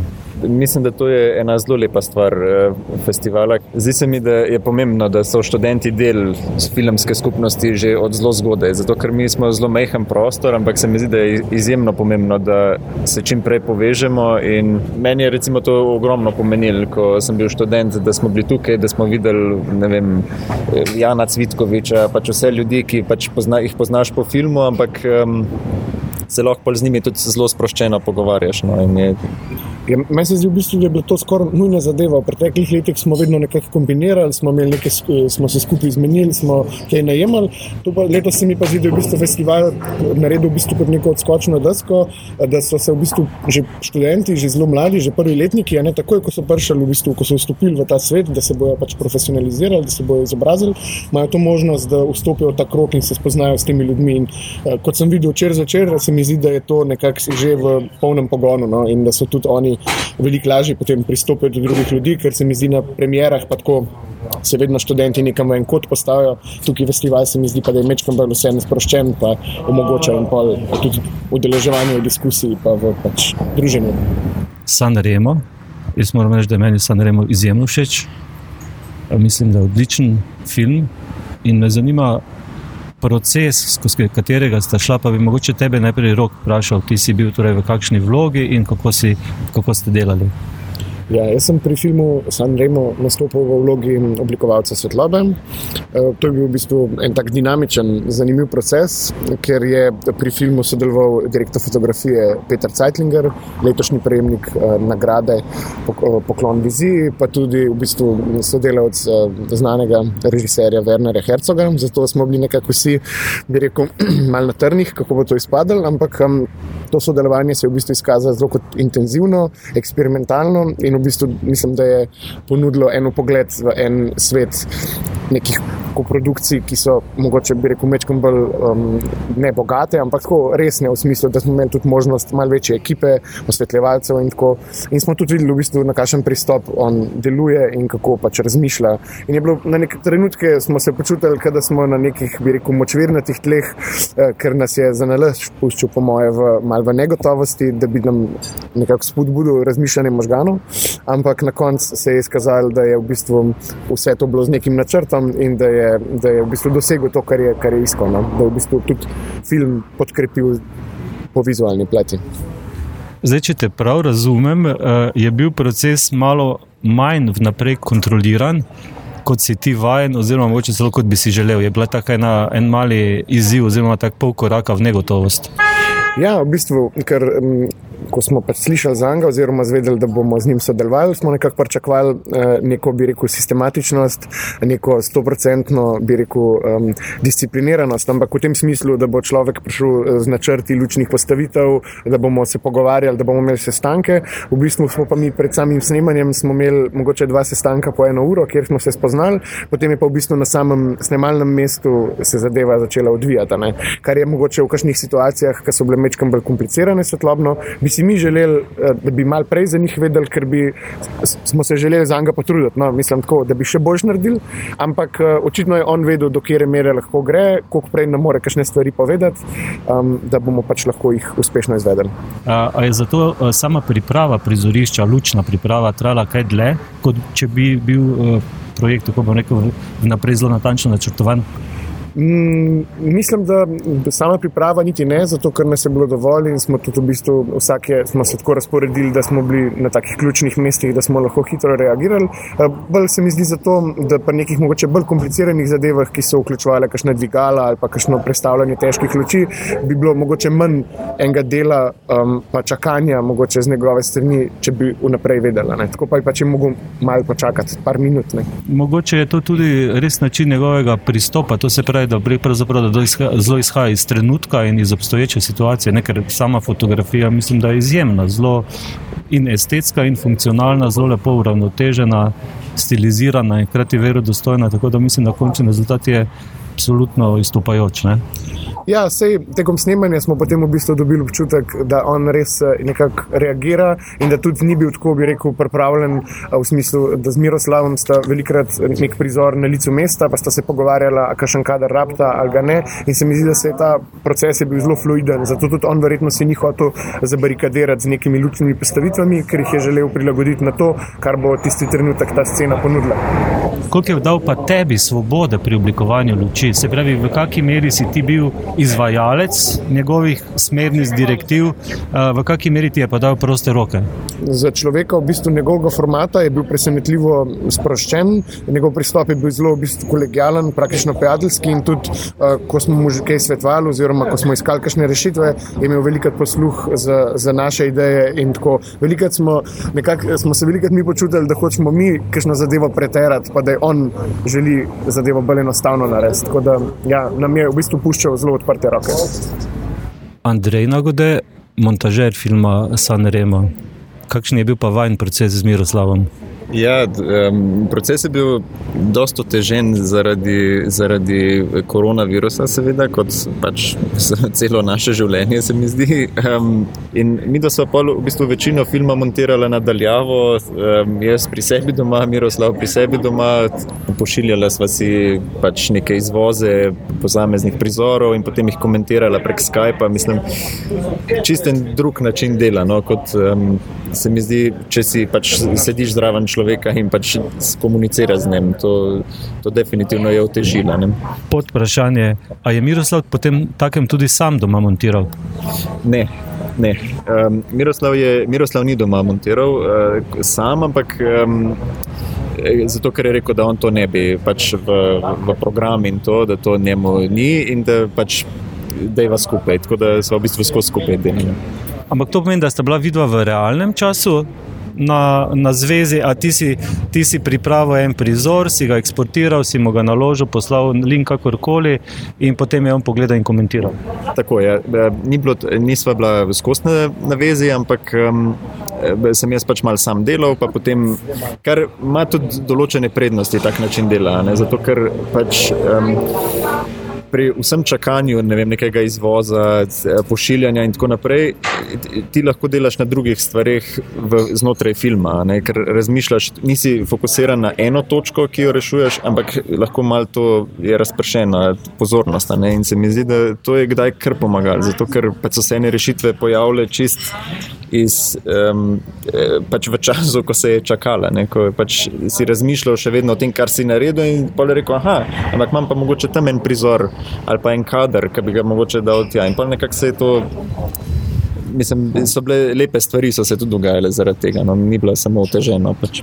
Res, da smo vsi, ki nek film naredimo, seveda na, do njega rekel, pristranski, subjektivni in tako naprej, se drugače biti ne more roka že uh, malo lahko, tako grude se bom počasi zaključil, rok naj te ne skrbi, naj te ne skrbi, rok ne boš ostal lačen obljubi. Uh, ampak čisto za res za konec, če bi, če bi nekomu rekla, zakaj naj gre gledati film San, San Remo, kaj bi mu rekla, zakaj mislite, da ta film vredno gleda rok? Jaz mislim, da ta film ponudi uvid v eno življenje ene generacije, v nekem prostoru, ki mogoče ni vsakmu človeku poznan in v bistvu razkrije to, da tudi na, rekel, v jeseni življenja, eh, ki nas zadanejo kakšne rekel, neprilike ali pa bolezni, ali pa tako, da vse to bistvo čustev ljubezni še vedno ostane v nas prisotno, čeprav se mogoče tega ne zavedamo sto procentno. Meni se zdi, da je film izjemno čist v smislu. Um, ravno, ravno emocija, ne? zato ker pač eh, se ukvarja z neko čisto emocijo in to Miroslav velikrat govori in eh, ga je to zanimalo in pač je on v bistvu neka, eh, to je neko njegovo glavno zanimanje. Se mi zdi bilo, da pač um, kljub bolezni, kljub pozabljanju um, je tam nekaj čistega in lepega, da se one dva ujameta. In ni to vezano na neko socialno okolje ali karkoli, one dva si pač samo sta si blizu in čutita neko toplino med sabo. In zato se mi zdi, da je film čist v smislu emocije. No, tako da zato bi, po mojega, priporočil. Da...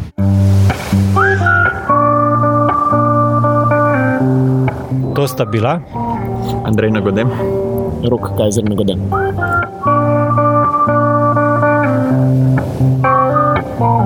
Miroslav Mandić je moje ime, sem eh, scenarist in režiser filma Sanremo, pa tudi producent tega filma.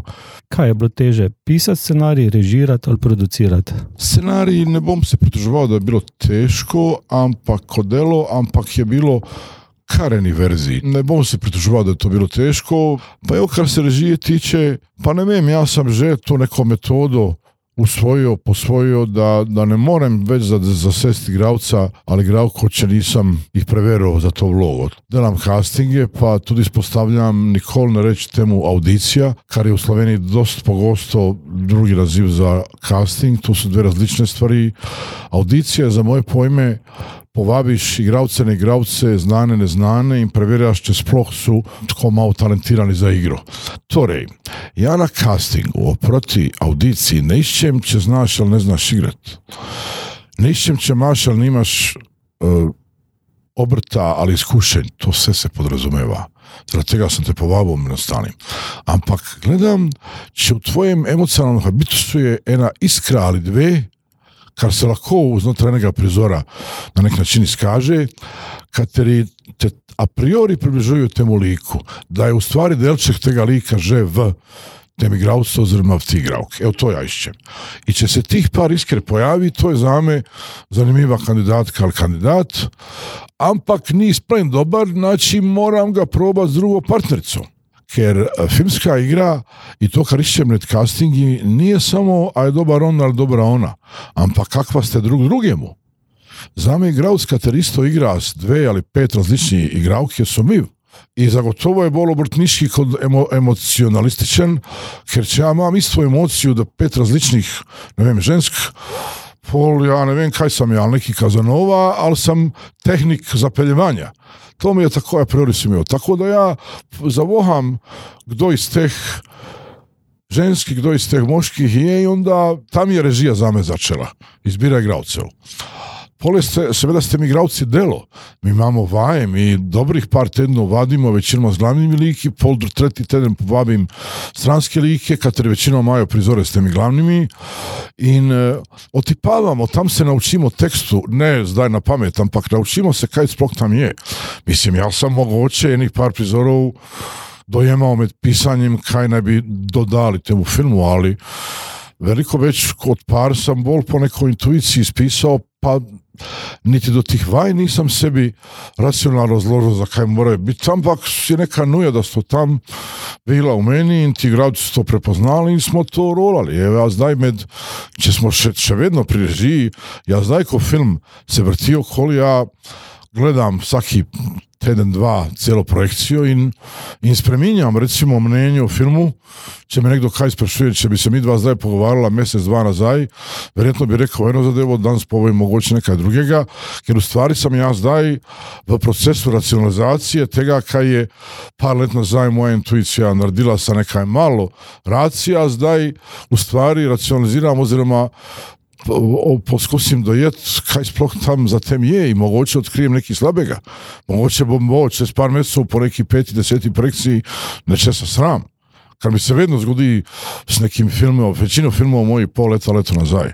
Ali verjete, kasneje, kasneje dojamem, pa trebao sam totalno drugače, pa trebao sam ne tega igralca, ampak tega igralca i takve stvari. Tako da to me še čaka te neke velike napake, če su tam, ali zdaj že malo razkriva mene malo, bo razkrivam kaj sam hotel s nekim prizorom, kot kaj narobe. To narobe pride še.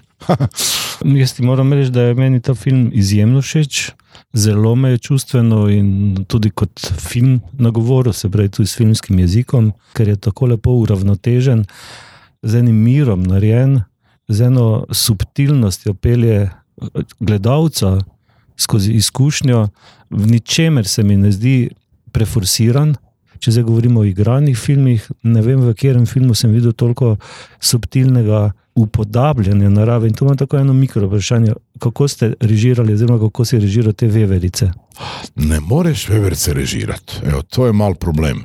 E, ja sam pričakovao, ja sam je napisao scenarij, ker sam hotel da ta upodabljanja narave tudi zrazen vode u različnih oblikah vode, od tekoče vode prek megle, prek ledu, snegu, dežja, da tudi ima druge aspekte narave, kot recimo žival ta ali ona. I Veverca mi je bila nekako zanimljiva da bo njegova neka družavnica u tem parku doma i da proti koncu se u tom gozdu pojavi. To je bila jedna odločitev, ampak seveda lahko bi se zgodilo da recimo neki trener živalit le u Sloveniji pove da trenutno nima veverce, pa to postane produkcijski problem, pa imate ga u Italiji, imate ga na Hrvaškem, vevercu, pa maju nimaju, vjerojatno bi to bilo i dražije i bol, pa bi mogoče na koncu bila srna, ali vem kdo, ampak mi reču, ja, mamo trenera živali, on ima veverco, evo pride drug teden na sestanak da se malo pomente, pa rekao najprije pere vevercu. Šla je veverca, neki mu je tako bila na rami, pa je delovalo da sta si intimna, dovolj, ja sam ga spraševala ko naredi to, ona, on je tam hiti, ona s veseljem skoči, ma ja vidim, oni su si na ti. Treba živali i veverca. I rekao, ajde, biće veverca. I prav ta veverca. Ampak, pride on na lokaciju i nič, ona ne posluša njega. Ja joj ne morem režirat, ker me malo niti ne razume Boga, pa tudi ja z njo Bog i ne razumem, tako da ja temu treneru govorim kaj bi mi hotli da ona gre od tam sem, ali od sem tam. I on joj to neki razlaga u nekim njunem jeziku, kateri tudi se sam dojel čez pore, da se ni ta dva preveč dobro ne zrumeta. Torej, pol su zatrali se neki laksi, pa sam rekao daj čim tanšega i ne poškodovati te boge živali. Ne bom ja nju, ona je taka ovaka, nema problema, pa se ispostavilo da taj pretenek se po, poči znotraj par gibov njenih, pa, pa debelejši, debelejši, napio je tolk debel da smo ga morali u postprodukciji dajati ven. Naj lepše u stvari bilo sodelovanje med Sandijem Pavlinom, glavnim igralcem i njo. In kada ja vidim da je ona okolo Sandija, da je Sandi blizu nje, ja čutim da to bo nekako bolj nežno, pa mogoče tudi brez preveč tih laksov. Tako nekako. Uglavnom naporno je bilo. Ni bilo entko i če deluje boljš kot je narejeno, pa smo neki dosegli mogoče. Ne deluje zelo, zelo pristno. Jaz sem pravzaprav imel občutek, da je to bilo tako, da si ti tam veverce opazil in si jih potem vključil. No, se pravi, do te mere spontanosti pridemo. Se pravi, seveda ti, Ajde, lepo. ti, ti gradiš iluzijo in imaš vedenje celega tega mehanizma, kako je do neke iluzije prišlo ne, in si s tem v bistvu obremenjen, normalno. Ne? Gledalec pa spreme to vse na čisto. Ne? Zakaj se mi zdi to najboljši tvoj film? Prvič, jaz gledam vsak film, potem na koncu koncev je moj film. To se pravi, to, kaj si ti naredil, je ena faza, ampak na koncu je gledalec tisti zadnji, so kreator. Ne? In eh, meni ta film pride najbližje, čustveno mi pride najbližje in tudi z ozirom na sredstva, ki so uporabljena, ker je to v bistvu izrazito minimalističen film. Jaz mislim, da to je veš, to tisto, ko mojster z nekimi mikrokrektnjami upravlja z mojo zavestjo. ne. Ko da gledaš gladino vode, ki malo, malo samo trepeta, ampak se vse dogaja. Ne? In to mi je, to mi je super. Lepo, Ja. hvala. Uh, zdaj pa, no, ker sem ravno omenil vodo. Ne? Ta voda ima seveda en zelo močan tudi simbolizem. Bruno na začetku vstopi v to vodo, to je seveda lahko metafora, prispodoba za čas, za življenje, na koncu se konča s to zmrznjeno vodo, uh, se pravi slapom. Življenje čas je ustavil za njega, seveda, kar je v bistvu tudi zelo lepa metafora. Ne? Čas se ustavi za tistega, ki umre. Čas neha teči za tistega, ki umre. In čas, ne, če zdaj vsi mi pravzaprav tvorimo tudi neke takove časa. Krasn mi je, krasna mi je pa ekspozicija lika duša, se pravi Silve Čušin.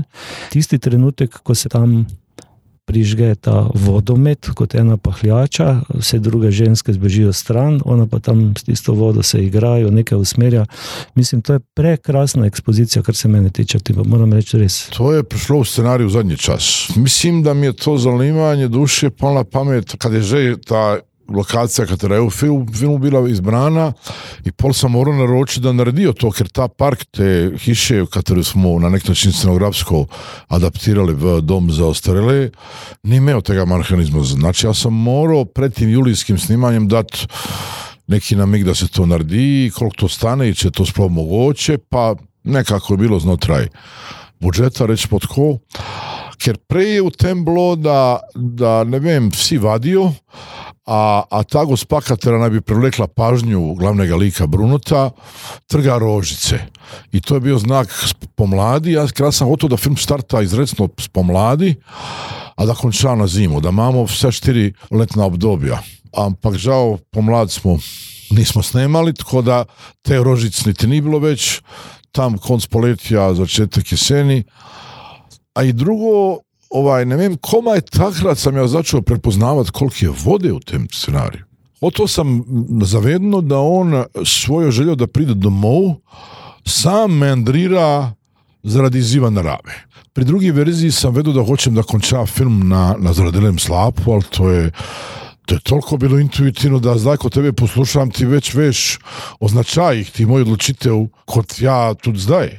Hoću reći da to nisu niti bile odločitve, to su bile intuitivne izbire katere su meni se pomojale Ki so prišle same po sebi, v bistvu, Sam, v tebe. pa ko neka nuja da mora biti ko, a zakaj mora biti ko, pojma nimam. ej. Ni tako zelo, zelo pogosto, da bi bil scenarist in režiser hkrati tudi producent. Pravzaprav je to lahko tudi zelo tvegano, če nas produkcijska strast odnese kam preveč daleč. Ne? Nerad produciram, ni mi to vokacija, pa moram tudi reći par većih produkcij znanih sam pred leti prašao če bi delali kaj z mano, pa ena je imela gužvu u projektu, druga je rekla da ne vem, neki su izmišljavali, pa teško najdem nekoga relevantnega da bi sploh hotel sodelovati z mano. Nekako je tako, ne vem zakaj. A Si na glasu, da si težek režiser ali kaj?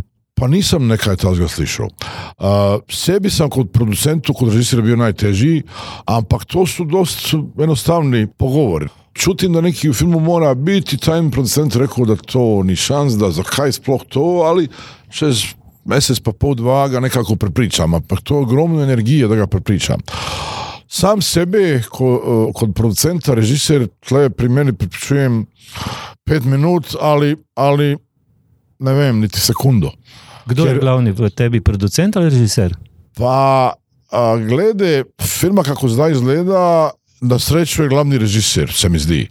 Glede finančnega stanja firme in sploh financ zame i okol mene je ovaj totalno glavni bio režiser na škodu producenta. U producent je traje stradao totalno je. Ali evo, producent će vedno, mi ga, evo, treba tu distribuciju neku furamo po Sloveniji, treba to sproducirati. U današnjih časih sve je procesi, sve je problem. Najdet kino da te igra, najdet, najd, nekako pripeljati gledalce skozi neke, ne vem, promocije, skozi različne aspekte svega tega, otipavati malo situaciju, poznavat kina, poznavat kako pristupiti skupi z njimi temu da kakšnega gledalca, gledalko privlečemo, tako da zdaj sam totalni producent, ker ovaj režiser je svoje pravo. U stvari je meni najteže biti producent, ker izgleda da u svom nekom bistvu to nisam. Mislim da jedne stvari tu dobro pravim, ali to je za me tak napor. Ja nisam zdaj razvajeni bogatun, da nemam problema z denarjem, prav obratno, ali ja se ukvarjam izključno in primarno s filmom. In tu razlika med menoj in temi vsemi sogovorniki, ker oni seveda so veseli, če jim, smo eni drugi veseli, če je film neki všeč, pa jim je to dodatna motivacija, a njihova osnovna motivacija je, a, se obrne neki denar tam ali ne. A meni je ta motivacija tako malo tuja in, in utruja me to vse skupaj. Tako da komaj čakam, da malo spočinem. No. Boš lahko spet scenarist za začetek, pa se boš malo regeneriral. Recimo. Bomo videli, ne vem.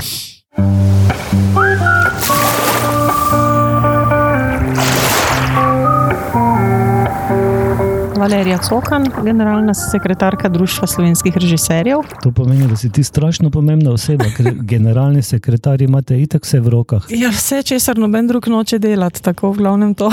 Valerija, ti si na filmski sceni, sva rekla, že tam nekje od leta 2014 aktivna, če sem jaz Tako prav polnih sedem let, Polnih šele. sedem let, predtem si pa dolga leta delala na gledališkem področju. Zdaj, uh. -huh. Kaj je tisto, kar filmarje loči od gledališčnika, v čem smo mi drugačni? Še potencirana strast, bi jaz rekla.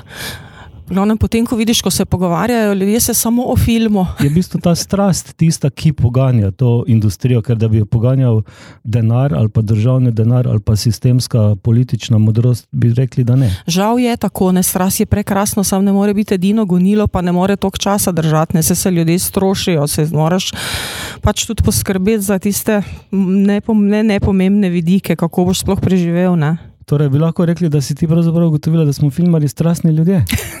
Ja, službeno sem to ugotovila. Ne, mislim, saj to Zasebno ni- še nisem raziskovala. Ja, ampak vse to ni nič slabega. Ne? Saj mislim, Ja, krasno, bi ja, rekel, to to, je- so neka primarna gibala. Ne? Talent je tudi seveda obvezen. No? Kako si ti razlagaš, kje so vzroki, da je film v taki nemilosti pri političnih odločevalcih, ki kreirajo sistemsko okolje? Jaz mislim, da pač tile, ki odločajo, da sploh ne gledajo slovenskih filmov. Mislijo, da so lahko filmi samo iz Amerike, oziroma vem, James Bond franšiza ali pač to, kar otroci gledajo.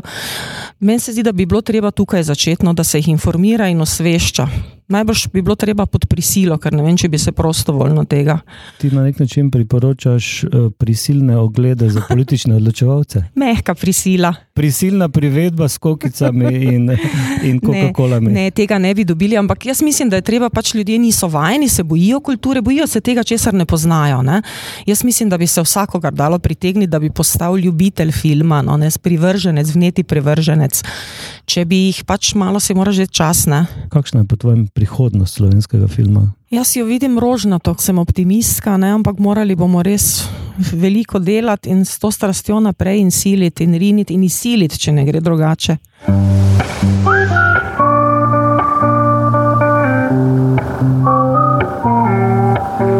Katja Predan. A, jaz pa študiram filmsko in televizijsko režijo, drugi letnik na akademiji. In si letos v ekipi akademske televizije, prvič. Da. In kakšni so vtisi? Tako zanimivo mi je delati te televizijske prenose, še posebej pa tukaj zelo fajn, ker so zelo zanimivi pogovori. Pa tudi poslušalci so zainteresirani v tem, kar se govori, in se to takoj pozna na občutju, ki je pač v prostoru, tudi če ni to nek tako ogromen dogodek, tudi če ni a, polno občinstva, se pač čuti, da je vsem mar, pa vse zanima, kaj se govori. Kakšno kvaliteto pa vidiš ti v tem, da ste študenti ne samo navzoči na festivalu, ampak tudi ga so ustvarjate? Jaz mislim, da kljub temu, da nismo še toliko del tega profesionalnega sveta, s tem postajamo del. Vidim ljudi, se z njimi slišim, kaj govorijo, jih čutim, kaj si želijo delati, pa kako se to sprejema. Zdaj, še ena stvar je, vaša generacija je pravzaprav imela eno kar veliko nesrečo, ker je bolj ali manj ves lanski letnik potekal nadaljavo študija. ne? Ja, ja. Se pravi, tudi v tej luči so te praktične izkušnje za vas verjetno zelo dragocene. Zelo, ja. Jaz mislim, jaz res tako, ker čutim, kako hrepenim po njih.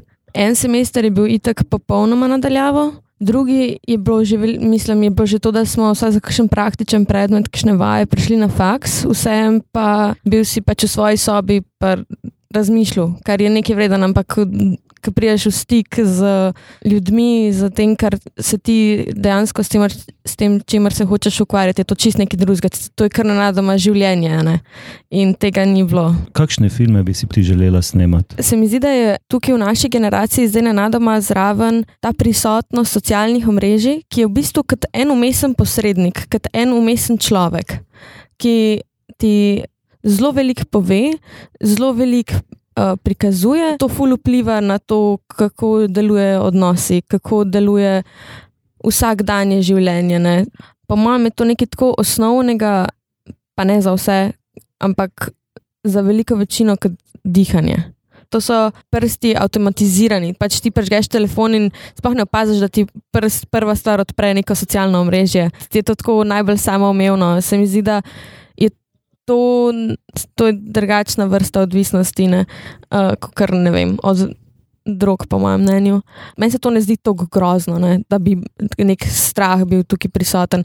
Sam nekaj, kar je mogoče trenutno še ne dovolj involviranega. Jaz sem David Šampen, trenutno na akademiji obiskujem tretji letnik filmske in TV režije. Na festivalu sem del eh, ekipe, ki skrbi za prenose. Um, vsako jutro so tukaj intervjuji z ustvarjalci in mi v bistvu skrbimo za živ prenos, ki je na Arnesu in zdaj ponovno tudi bo na Facebooku. Skrbimo za živ prenos uh, teh uh, pogovorov in tako naprej. A si letos prvič v ekipi AKTV? Prvič, ja. Prvič. Kakšni so vtisi? Um, v bistvu mi je zelo fajn, uh, ena stvar je da smo že uh, poleti delali uh, ta Evropa Cantat festival in smo v bistvu vsi štirje tudi iz tiste ekipe, tako da imamo neko televizijsko kemijo že od tam in mi je to recimo full fine, da so super ljudje, tudi Aljaš Bastič zelo lepo poskrbi, da um, se potrudi, da nas čim bolj izobrazi, ker je tako tehnično nadarjen, da se tudi jaz včasih kar zgubim. Ampak v glavnem res poskrbi za to, da, tudi, da se mi počutimo varno, da res vemo, kaj delamo. Uh, in je v bistvu zelo lepo to. Meni je dejansko vse fajn. Prostor je sicer mal mehen, mal se gužvamo, ampak tako lepo je. No? Meni je, men je fino. Imate kaj treme? Ti pred začetkom je mečkan, ok, zdaj bomo šli v živo, je mal mečkan treme ampak pol, ko vidiš, pa se nekako navadiš, aklim, aklimatiziraš nazaj na televizijsko formo, um, hiter ta trema gre stran in v bistvu sam pol fokus, da je prenos čim, čim lepši, pa čim bolj tekoč. Kaj pa tebi kot študentu pomeni to, da si del tega tima, ki ustvarja festival? Še ne, iz nekega drugega vidika uh, začutim sam festival in uh, sem zdaj drugič na festivalu, lansko leto v Ljubljani, um, je tle v že tako čist drugačna, um, ko bi rekel, energija tako neka taka občutek skupnosti, je veliko ustvarjalcev, sem vesel, no, da, da pokrivamo te pogovore in tako naprej, ker pač veliko odnesemo tega. No. Ko slišimo nekaj ljudi, ki imajo že več izkušenj od nas. David, kakšne filme ti želiš snemati? To je pa, to je pa tako vprašanje, zanimivo. Prva stvar, ki mi je prišla zdaj na misel, pa nisem tako rekel, ampak bom rekel tako, iskrene. No. Iskrene, se mi zdi, da je ta neka iskrenost uh, lastnega izraza zelo pomembna, pa lahko rečem, da se nisem še tam, ampak se v bistvu iščem v tem, da najdem neko lastno avtentičnost, pa iskrenost, no, um, ki bi jo pač rad pol projiciral enkrat. Ne vem, to ne bo s prvim, drugim, bomo videli s katerim filmom, no, ampak upam, da bo prišlo do tega. No, delam na tem, da bo. Sem Aleš Bastič, sicer delam kot televizijski režiser na RTV Slovenija, tu pa sem v vlogi mentorja video ekipe FSF. Katero leto AKTV že prenaša dogajanje na filmskem festivalu? Akademska televizija je začela dogajanje prenašati leta 2013. Ravno eh, jaz z Jako Krivcem in Klemnom Berusom smo bili prva generacija, ki je prenašala, mislim, da takrat 17. festival slovenskega filma. Mislim, da 8. oziroma 9. leto že um, AGRFT z akademsko televizijo sodeluje sodeluje na festivalu slovenskega filma. Katere so kvalitete, ki si jih ti kot študent pridobil v teh snemanjih? Spontanost izkušnje je definitivno. Se pravi, tista notranja želja, ko veš, kaj želiš delati, kje želiš projekt začeti, kako ga izpeljati, in potem ko brez mentorskega um, vtikavanja vidiš, kje si mogoče šel preveč naprej, kje si se preveč angažiral, kje bi lahko naredil manj, um, kaj je bilo smiselno, kaj ni bilo. Tako da pravzaprav ravno ta možnost uh, delanja napak, možnost um, enega samostojnega procesa in učenja iz tega. Ne, mi smo začeli takrat zelo ambiciozno in smo delali čist preveč programa in različnih stvari, brez pravega učinka. Ja, in pravzaprav je bila izkušnja ravno ta, da ja, je v redu, mogoče je bolje stopiti kdaj korak nazaj. Eh, ampak govorim predvsem torej o individualizirani izkušnji. Koliko dogodkov boste pokrili, koliko ur programa boste pripravili? Snemamo oziroma prenašamo vse pogovore z ustvarjalci. Tako da nekje pod palcem bi rekel, da bo skupaj tam nekje 12 ur programa, približno v neposrednem prenosu. Poleg tega pa arhivsko snemamo še začetno in zaključno slovesnost. Aljaš, ti si magister televizijske režije, se pravi, si del audiovizualnega prostora. Kako ti vidiš svojo sedanjost in predvsem kako vidiš svojo prihodnost? Svojo sedanjost vidim tako, da imam na um, televiziji Slovenija, kjer sem redno zaposlen, s čimer sem sicer zelo zadovoljen, ker imam veliko priložnosti, da sem v tej sedanjosti kar precej zaseden in da um, v bistvu v nekem entuzijazmu, ki uh, ga na televiziji hitro prepoznajo in te vključijo v najrazličnejše pore ustvarjanja. S tem entuzijazmom seveda pride tudi neka izčrpanost, tako da rečem psihična, um, telesna in tudi kreativna, ne vse zadnje, kar je tisto, o čemer bi morali pa najbolj razmišljati. In uh, v zadnjem mesecu sem že začel razmišljati točno o tem, ali je to tudi moja prihodnost. Ne? Vedno sem nekako o tem razmišljal, ampak zdaj pa začenjam še bolj aktivno razmišljati, ali je to res tista pot, ki je najbolj primerna za me. Tako da glede prihodnosti same, jaz mislim, da.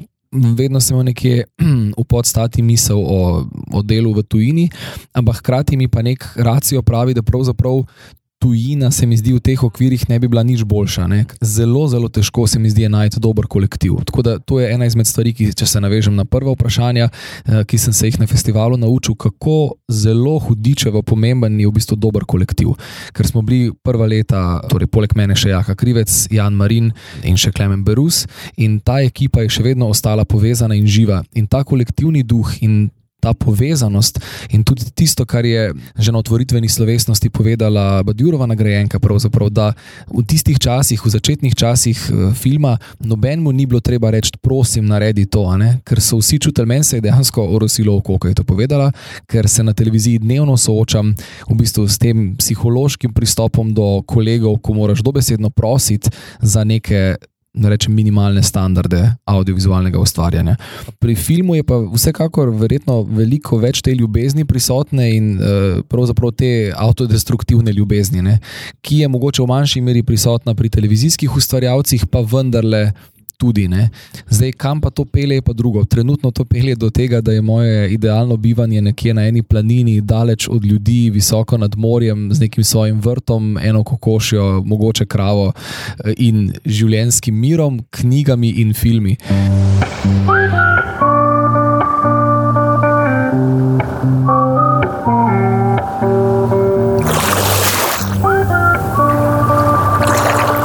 Zdravo, jaz sem Gaja Najarujec in se na eh, FSF-ju letos predstavljam v vlogi sorežiserke, soproducentke in direktorice fotografije filma Sutherland v okvirju. Uh, Živijo, jaz sem Matja Žamnik, uh, scenarist in režiser in letos uh, se tukaj na, na FSF predstavljam z kratkim dokumentarnim filmom Sutherland v okvirju.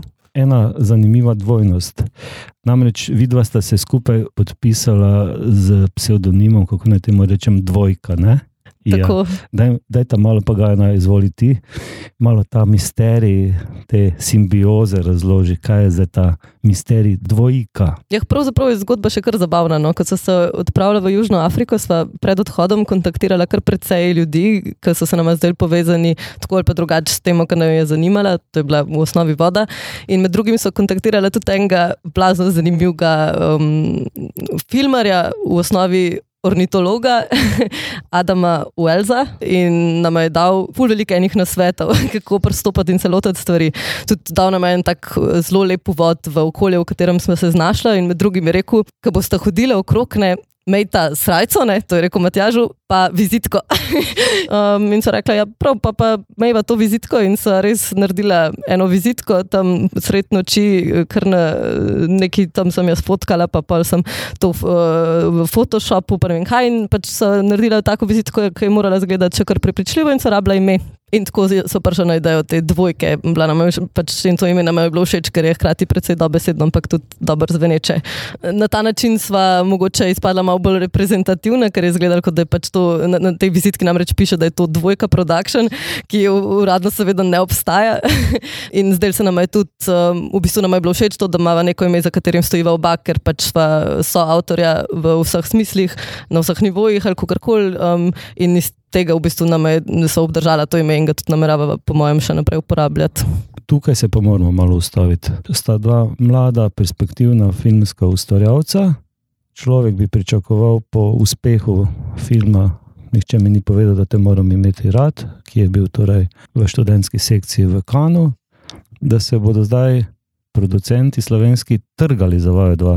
V resničnosti je tako, da za Cine Foundation zveš v predzadnjem tednu potovanja v Južni Afriki, tako da se takrat še niso pulili za najo. Tako kot se zdaj. To, to, to morate pa njih vprašati. Da, no, ampak mislim, jaz te um, malo te provociram, malo pa sprašujem, ali stojijo v vrsti, ali stojijo sploh, ali bežijo pred vama, kak je realna situacija? Definitivno je po o, tem, ko pač je postalo znano, da smo se uvrstili v ta program, sva se začela na pobudo producentov, večjih producentov srečevati o, in se začela pogovarjati. O, definitivno so potem te pogovori stekli fully train lažje, kot bi, če pač tega uspeha ne bi bilo. O, in smo se potem na temo tega filma v bistvu bistvu srečala tudi z rokom Bičkom. Nujno moramo izpostaviti roka, ki se je blazno lepo odzval um, naj, najnemu pismu ali kako koli in naj bi podprl um, tem, v tej fazi distribucije oziroma pač v tej fazi prijav.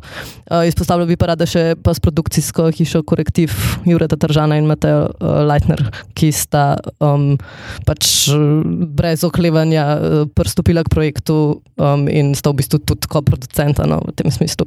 Ga, no, ja, nam lahko prosim prosim, na kratko predstaviš dokumentarec, kaj je tema, kako ste se ga lotili. Ja, pravzaprav gre za en kratek portret enega mehkega kraja, ki so ga obiskali. Eh, ta kraj se nahaja v Južni Afriki, sredene ogromne pustinje, ki že dolgo vrsto let trpi za zelo hudo sušo. To naj je tudi pregnal tja, zanimalo je v osnovi, um, kaj se zgodi z neko skupnostjo, predvsem, kadar ni vode. In to so začeli v osnovi raziskovati um, in se srečevati tam z zelo različnimi ljudmi. In spotoma, ker so srečali tako zelo veliko uh, zanimivih ljudi, so začeli zbirati um, te zgodbe.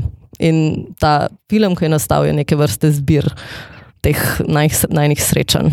Mislim, da nas zelo blizu pripeljeta k tem ljudem, eh, v to okolje. In tudi, verjetno, stavek, da je bilo treba tudi povedati, s kakimi produkcijskimi sredstvi, oziroma s kakimi tehničnimi sredstvi sta videla ta projekt realizirala. Zelo minimalnimi. Šla so pač z kamero, ki jo itak jaz imam, to je ta mala Alfa Sony. Um, stativ sem kupila tam, imela sva en set bubic, en star uh, objektiv uh, Matjaževe kamere z adapterjem star analogen objektiv, pa en samem, skratka, to je bilo res zelo, zelo tako um, gverilsko v tem smislu, kar pa je v nekem trenutku, sploh pri dokumentar, dokumentaristiki, po mojem mnenju, prednost. Um, kamera je zna biti zelo usiljiva, zelo hitro se tako umeša v to resničnost in mal človeka zdram ali pa pretresa ali pa pač no, vpliva na tak ali pa drugačen način in majhna kamera je meni ljubša, že sam zato, ker je manj moteča, ker je neusiljiva, ki je bolj intimna, lahko prej. In tudi to, da so bila sama, da ni bilo velike ekipe, nam je tudi omogočalo v velikih primerih ta stik z marsikom. Videla sta oba dva končala prvo stopnjo, Gajna je snemalka, ne? se pravi diplomirana filmska in televizijska snemalka, Matjaž diplomiran filmski in televizijski režiser znotraj akademije sta naredila zelo, zelo veliko zase in tudi, bom rekel, naredila dejansko film, ki je prebil nacionalne okvirje, to je izven vsakega dvoma.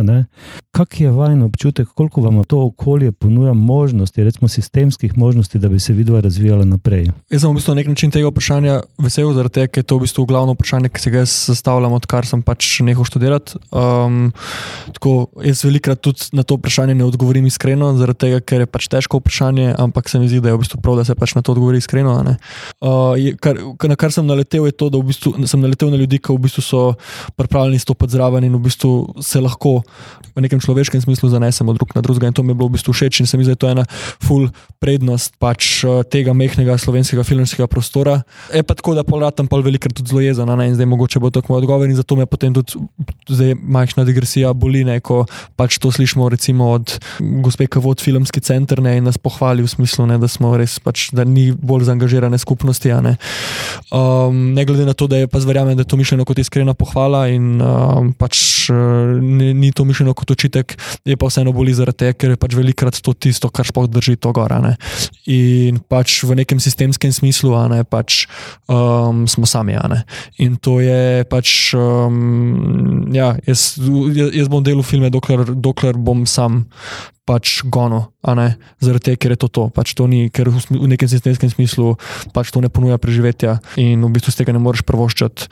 In s komorkoli se pogovarjam, pravzaprav reče isto. In klej pač se pogovarjamo o generaciji mladih ljudi. Um, klej pač zdaj mi prosimo od filmarjev to, da pač uložijo svo, deset svojih najboljših let ne, v to, da pač ne, iz, iz lastnega entuzijazma, da naredijo oziroma prispevajo, so potem na koncu itek seveda čisti žeti zaradi tega, ker je pač to tako težko in, si pol, in, si, in na koncu pač kar jim ostane to, da si pač sam postavljajo vse čas neka ful neprijetna vprašanja, ki si jih mogoče v nekih malo bolj organiziranih pa um, ne vem, rečemo temu postavljenih sistemih, ki jih poznamo marsikje v Evropi, pač tega ni tako. jaz mislim, da ne glede na vse, pač, kakšne imajo ljudje mnenje v umetnosti, ne pač kle gre za pač trdo in za iskreno delo. In pač mislim, da smo vsi kle transparentni in se mi enostavno ne zdi fair, da okvir tudi tistim, ki pač so najboljši, ne omogoča za res, da bi pač preživeli. In to, to se mi zdi pač grozen. No, tako.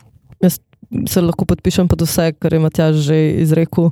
Um, eno stvar bi tudi jaz izpostavila in sicer to, da se mi zdi filmska skupnost, že sama narava dela filmov, tok temelji na ekipi, na sodelovanju in to je nekaj, kar um, je pač vsakeč znova čudovito in veš, da se lahko zaneseš na svoje sodelavce in da v tem smislu ni tekmovalnosti, ampak je polene sodelovalnosti in podpore in jaz to čutim in prepoznavam in to se mi zdi pač um, lepo, hkrati je pa pač tudi frustrirajoče vse to, o čemer je Matjaž že govoril, da je um, po določenem času težko držati um, to motivacijo ali pa um, vse delati samo na nivoju.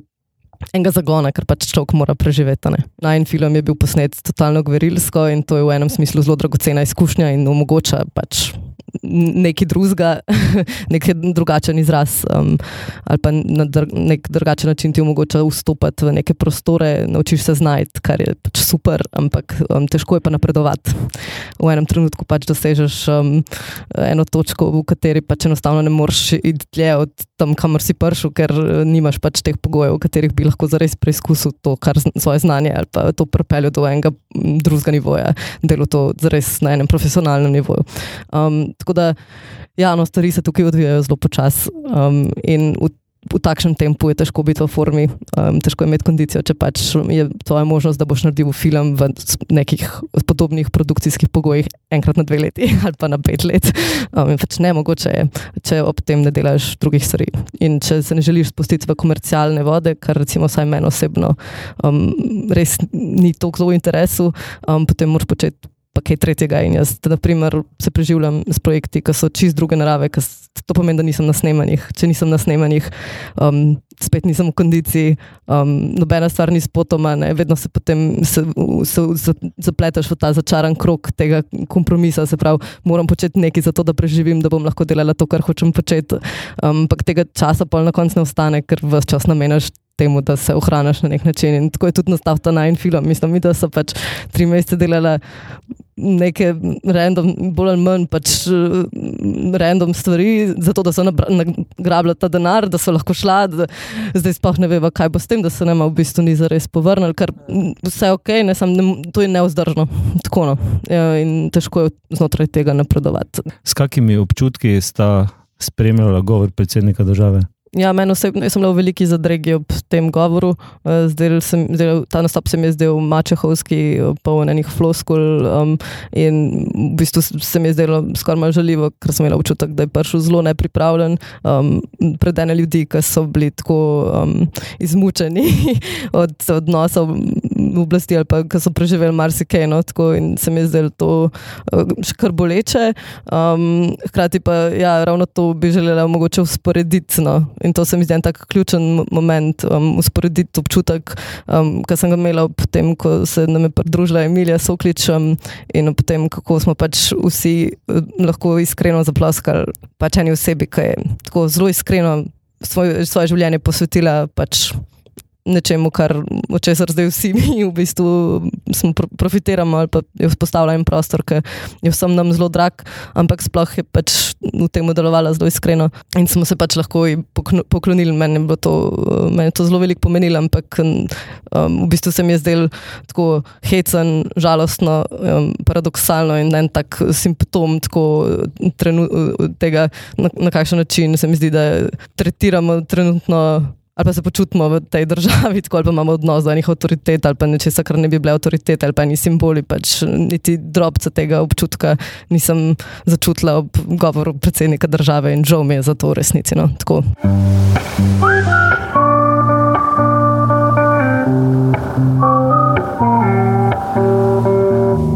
Sem Matej Šluzer, scenarist in režiser, od decembra pa tudi predsednik Društva slovenskih režiserjev. V kakšni kondiciji je slovenski film? V kreativnem smislu je slovenski film v izjemni kondiciji. Mislim, da je slovenski film morda v najboljši kondiciji po zelo dolgem času. Nastajajo zelo zanimivi filmi, zelo raznoliki filmi, ker je zelo čudno za tako majhno kinematografijo. In je to zelo lepo, seveda po finančni plati, je pa slovenski film mogoče v na, svojem najslabšem obdobju. Kako zdaj si ti razlagaš to protislovje? Ne, ne znam si ga razlagati. Ne razumem, zakaj politika ne vidi uh, potencijala v slovenskem filmu, ker mislim, da bi te filme, ki zdaj nastajajo v nekem urejenem sistemu, bili še bolj uspešni. In uh, bi mogoče te filme dosti bolj prodrli tudi na mednarodni trg ali pa do slovenskega gledalca lažje. In to je nekaj, kar, mi, kar, kar mi je v bistvu. So vsi filmari že ukvarjajo uh, vrsto let. Sam dobro veš, da odkar si zapustil akademijo kot študent, se vedno ukvarjaš tudi s filmsko politiko in nefinanciranjem slovenskega filma. Ja, sem tu zdaj mi dom, mogoče oba malčka naivna, ker pričakujeva od uh, politike, ki je razprodala večino slovenske srebrnine, da bo pa ravno pri filmu zmogla neko državotvorno, družbotvorno modrost, ker je preprosto tudi na drugih področjih ne izkazuje. To imaš popolnoma prav. Zdi se mi izjemno paradoksalno, da se govori, da moramo negovati slovensko besedo, moramo negovati slovensko kulturo, in potem oni delajo točno nasprotno. Kakšni občutki so te prevevali na otvoritveni slovesnosti ob govoru predsednika Pahorja? Zelo veliko sem razmišljal o tem uh, govoru. Zdaj se mi je neiskren. Imel sem občutek, da je gospod predsednik imel majčken treme. Bizarno se mi je zdelo, da a, ni znal izgovoriti audiovizualni sektor, in žalostno mi je, da je imel ta govor, ker vemo, da je bil tudi na poziciji moči, ki bi lahko spremenil filmsko politiko v Sloveniji. Misliš, predsednik vlade? Ne? Kot predsednik vlade, ker je sam je izrazito uh, na začetku svojega govora povedal, da je on samo predsednik države in nima direktnega vpliva. Uh, ampak pozabil je pa na to, da je nekoč bil na tej poziciji in tako kot vsi ostali, ne glede na politično prepričanje, v zadnjih 30 letih niso naredili nič za slovenski film. Mogoče sem zdaj malo mal preveč uh, bil uh, grob. Uh, ne moremo reči, da, naredil, da niso naredili nič. Bi, prej bi rekel premalo. Kaj vse bi še lahko naredili? Tu moramo biti natančni. Naredili so ravno dovolj, da se lahko vzdržuje videz sodobne družbe, ki se izkazuje tudi s takimi audiovizualnimi mediji, ampak nič več od tega. Ne? Jaz se prav spomnim, ko sem študiral na akademiji, sem razmišljal ravno o tem, uh, kako bo moje profesionalno ustvarjanje po akademiji. In sem takrat se prav spomnim, sam se rekel, da ja, nočem, da je film moj hobi, ampak hočem, da je moja profesija. In nekako vsi filmari se moramo iz dneva v dan boriti, da je to naša profesija, to je to, kar počnemo, to je to, kar smo se izobraževali in to je to, kar dajemo tudi slovenski, slovenskim gledalcem. Poslanstvo slovenskega filma, kakšna so ta poslanstva, mogoče ne samo eno. Ne? Ja, definitivno mislim, da je, je več teh poslanstv. Mislim, da slovenski film more nastavljati zrcalo slovenski družbi.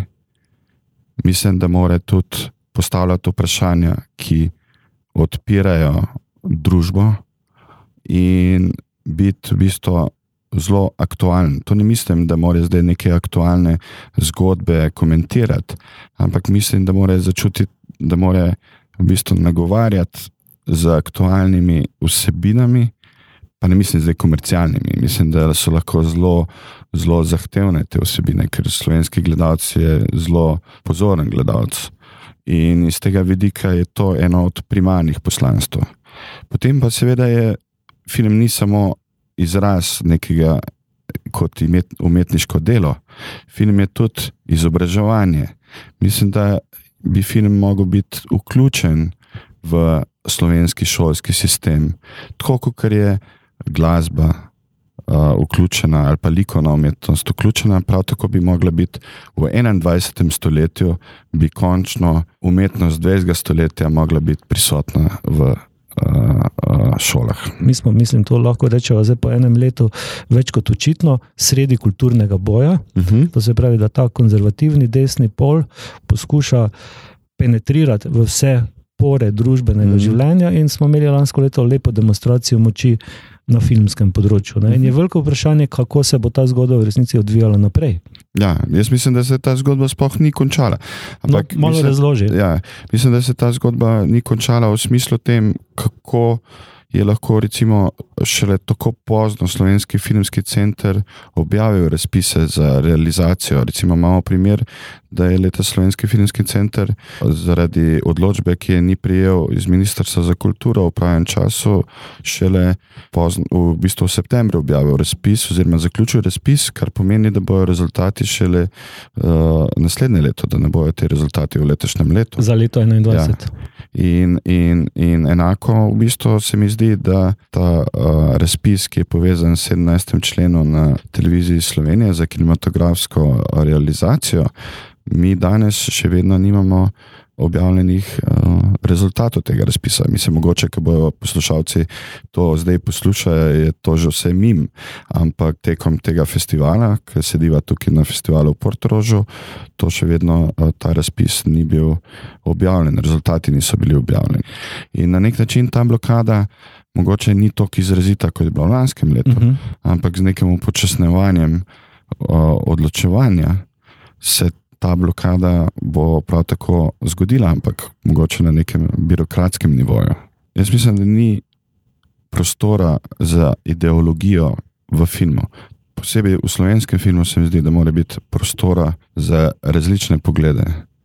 In, in to je tisto, kar bi, bi mogli stremeti k temu. Seveda, to je, se sliši zelo idealistično, ampak mislim, da ta raznolikost, ne samo avtorska raznolikost, uh, bogati celotno slovensko družbo.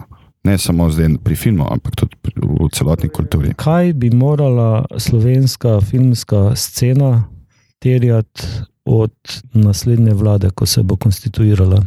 Mislim, da je to vprašanje zelo preprosto.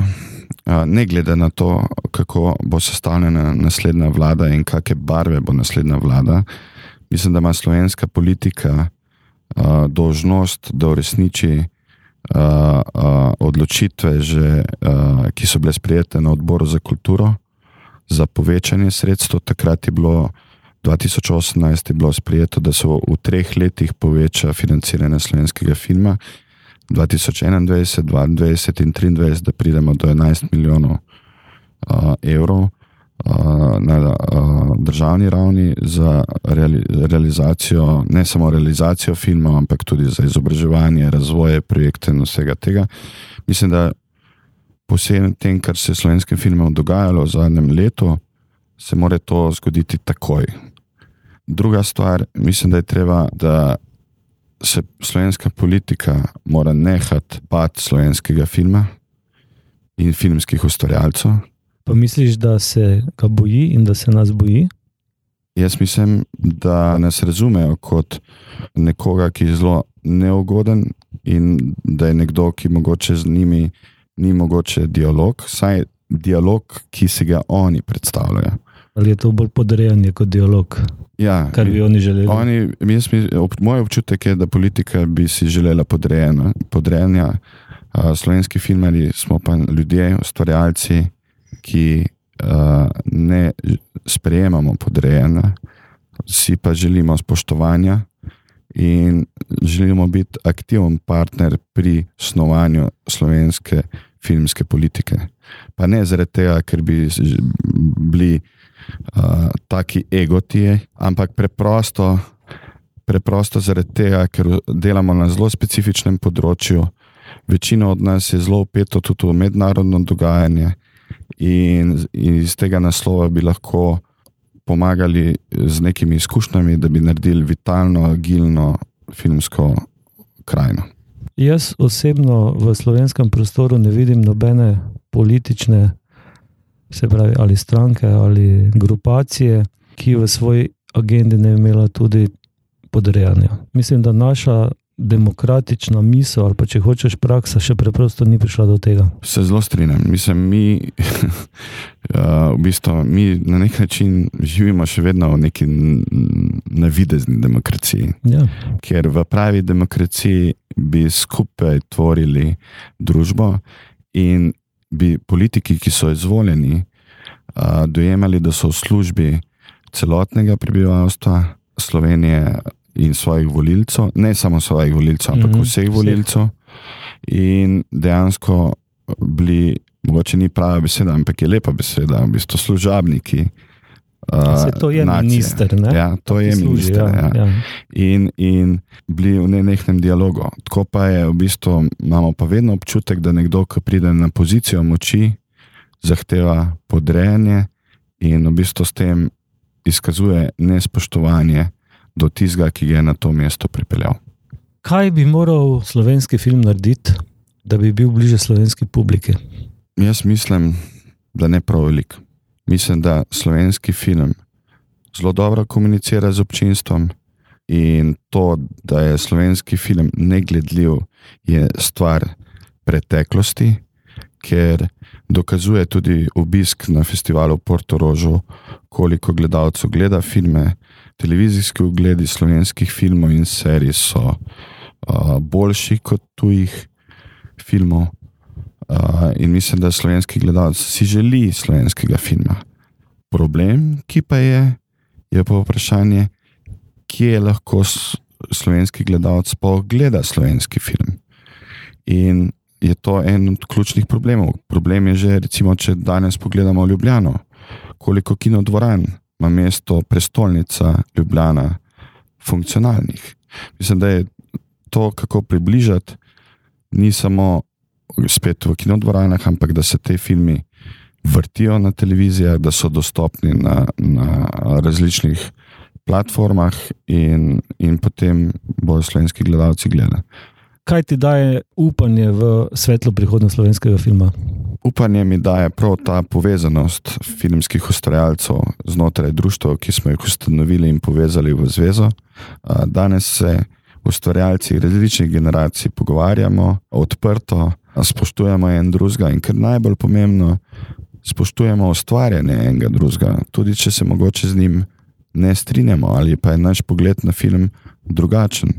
Ampak je to spoštovanje, ki je ključno za to. In to mislim, da je ta povezanost filmske stroke mi daje to upanje, da bomo lahko naredili naslednji korak, ki bo pa seveda težji.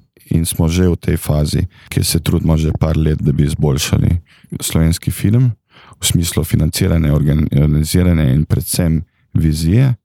Nažalost se pa moramo vedno prevečkrat ukvarjati s tem, kako ga obraniti. Zakaj se ne bi enkrat pogovarjali o tem, kako ga bomo zgradili?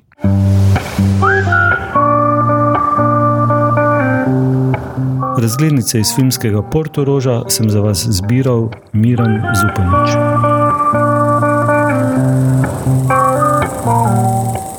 Poslušali ste podcast Filmarija, ki ga izdaja Društvo slovenskih režiserjev s podporo Slovenskega filmskega centra Javne agencije Republike Slovenije.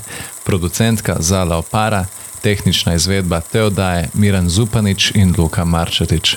V torek 23. novembra ob 20. uri boste lahko po Zoomu v okviru scenarnice ABC cikla predavanja o praktičnih vidikih pisanja scenarijev prisluhnili, kako nastajajo dnevne serije pri nas.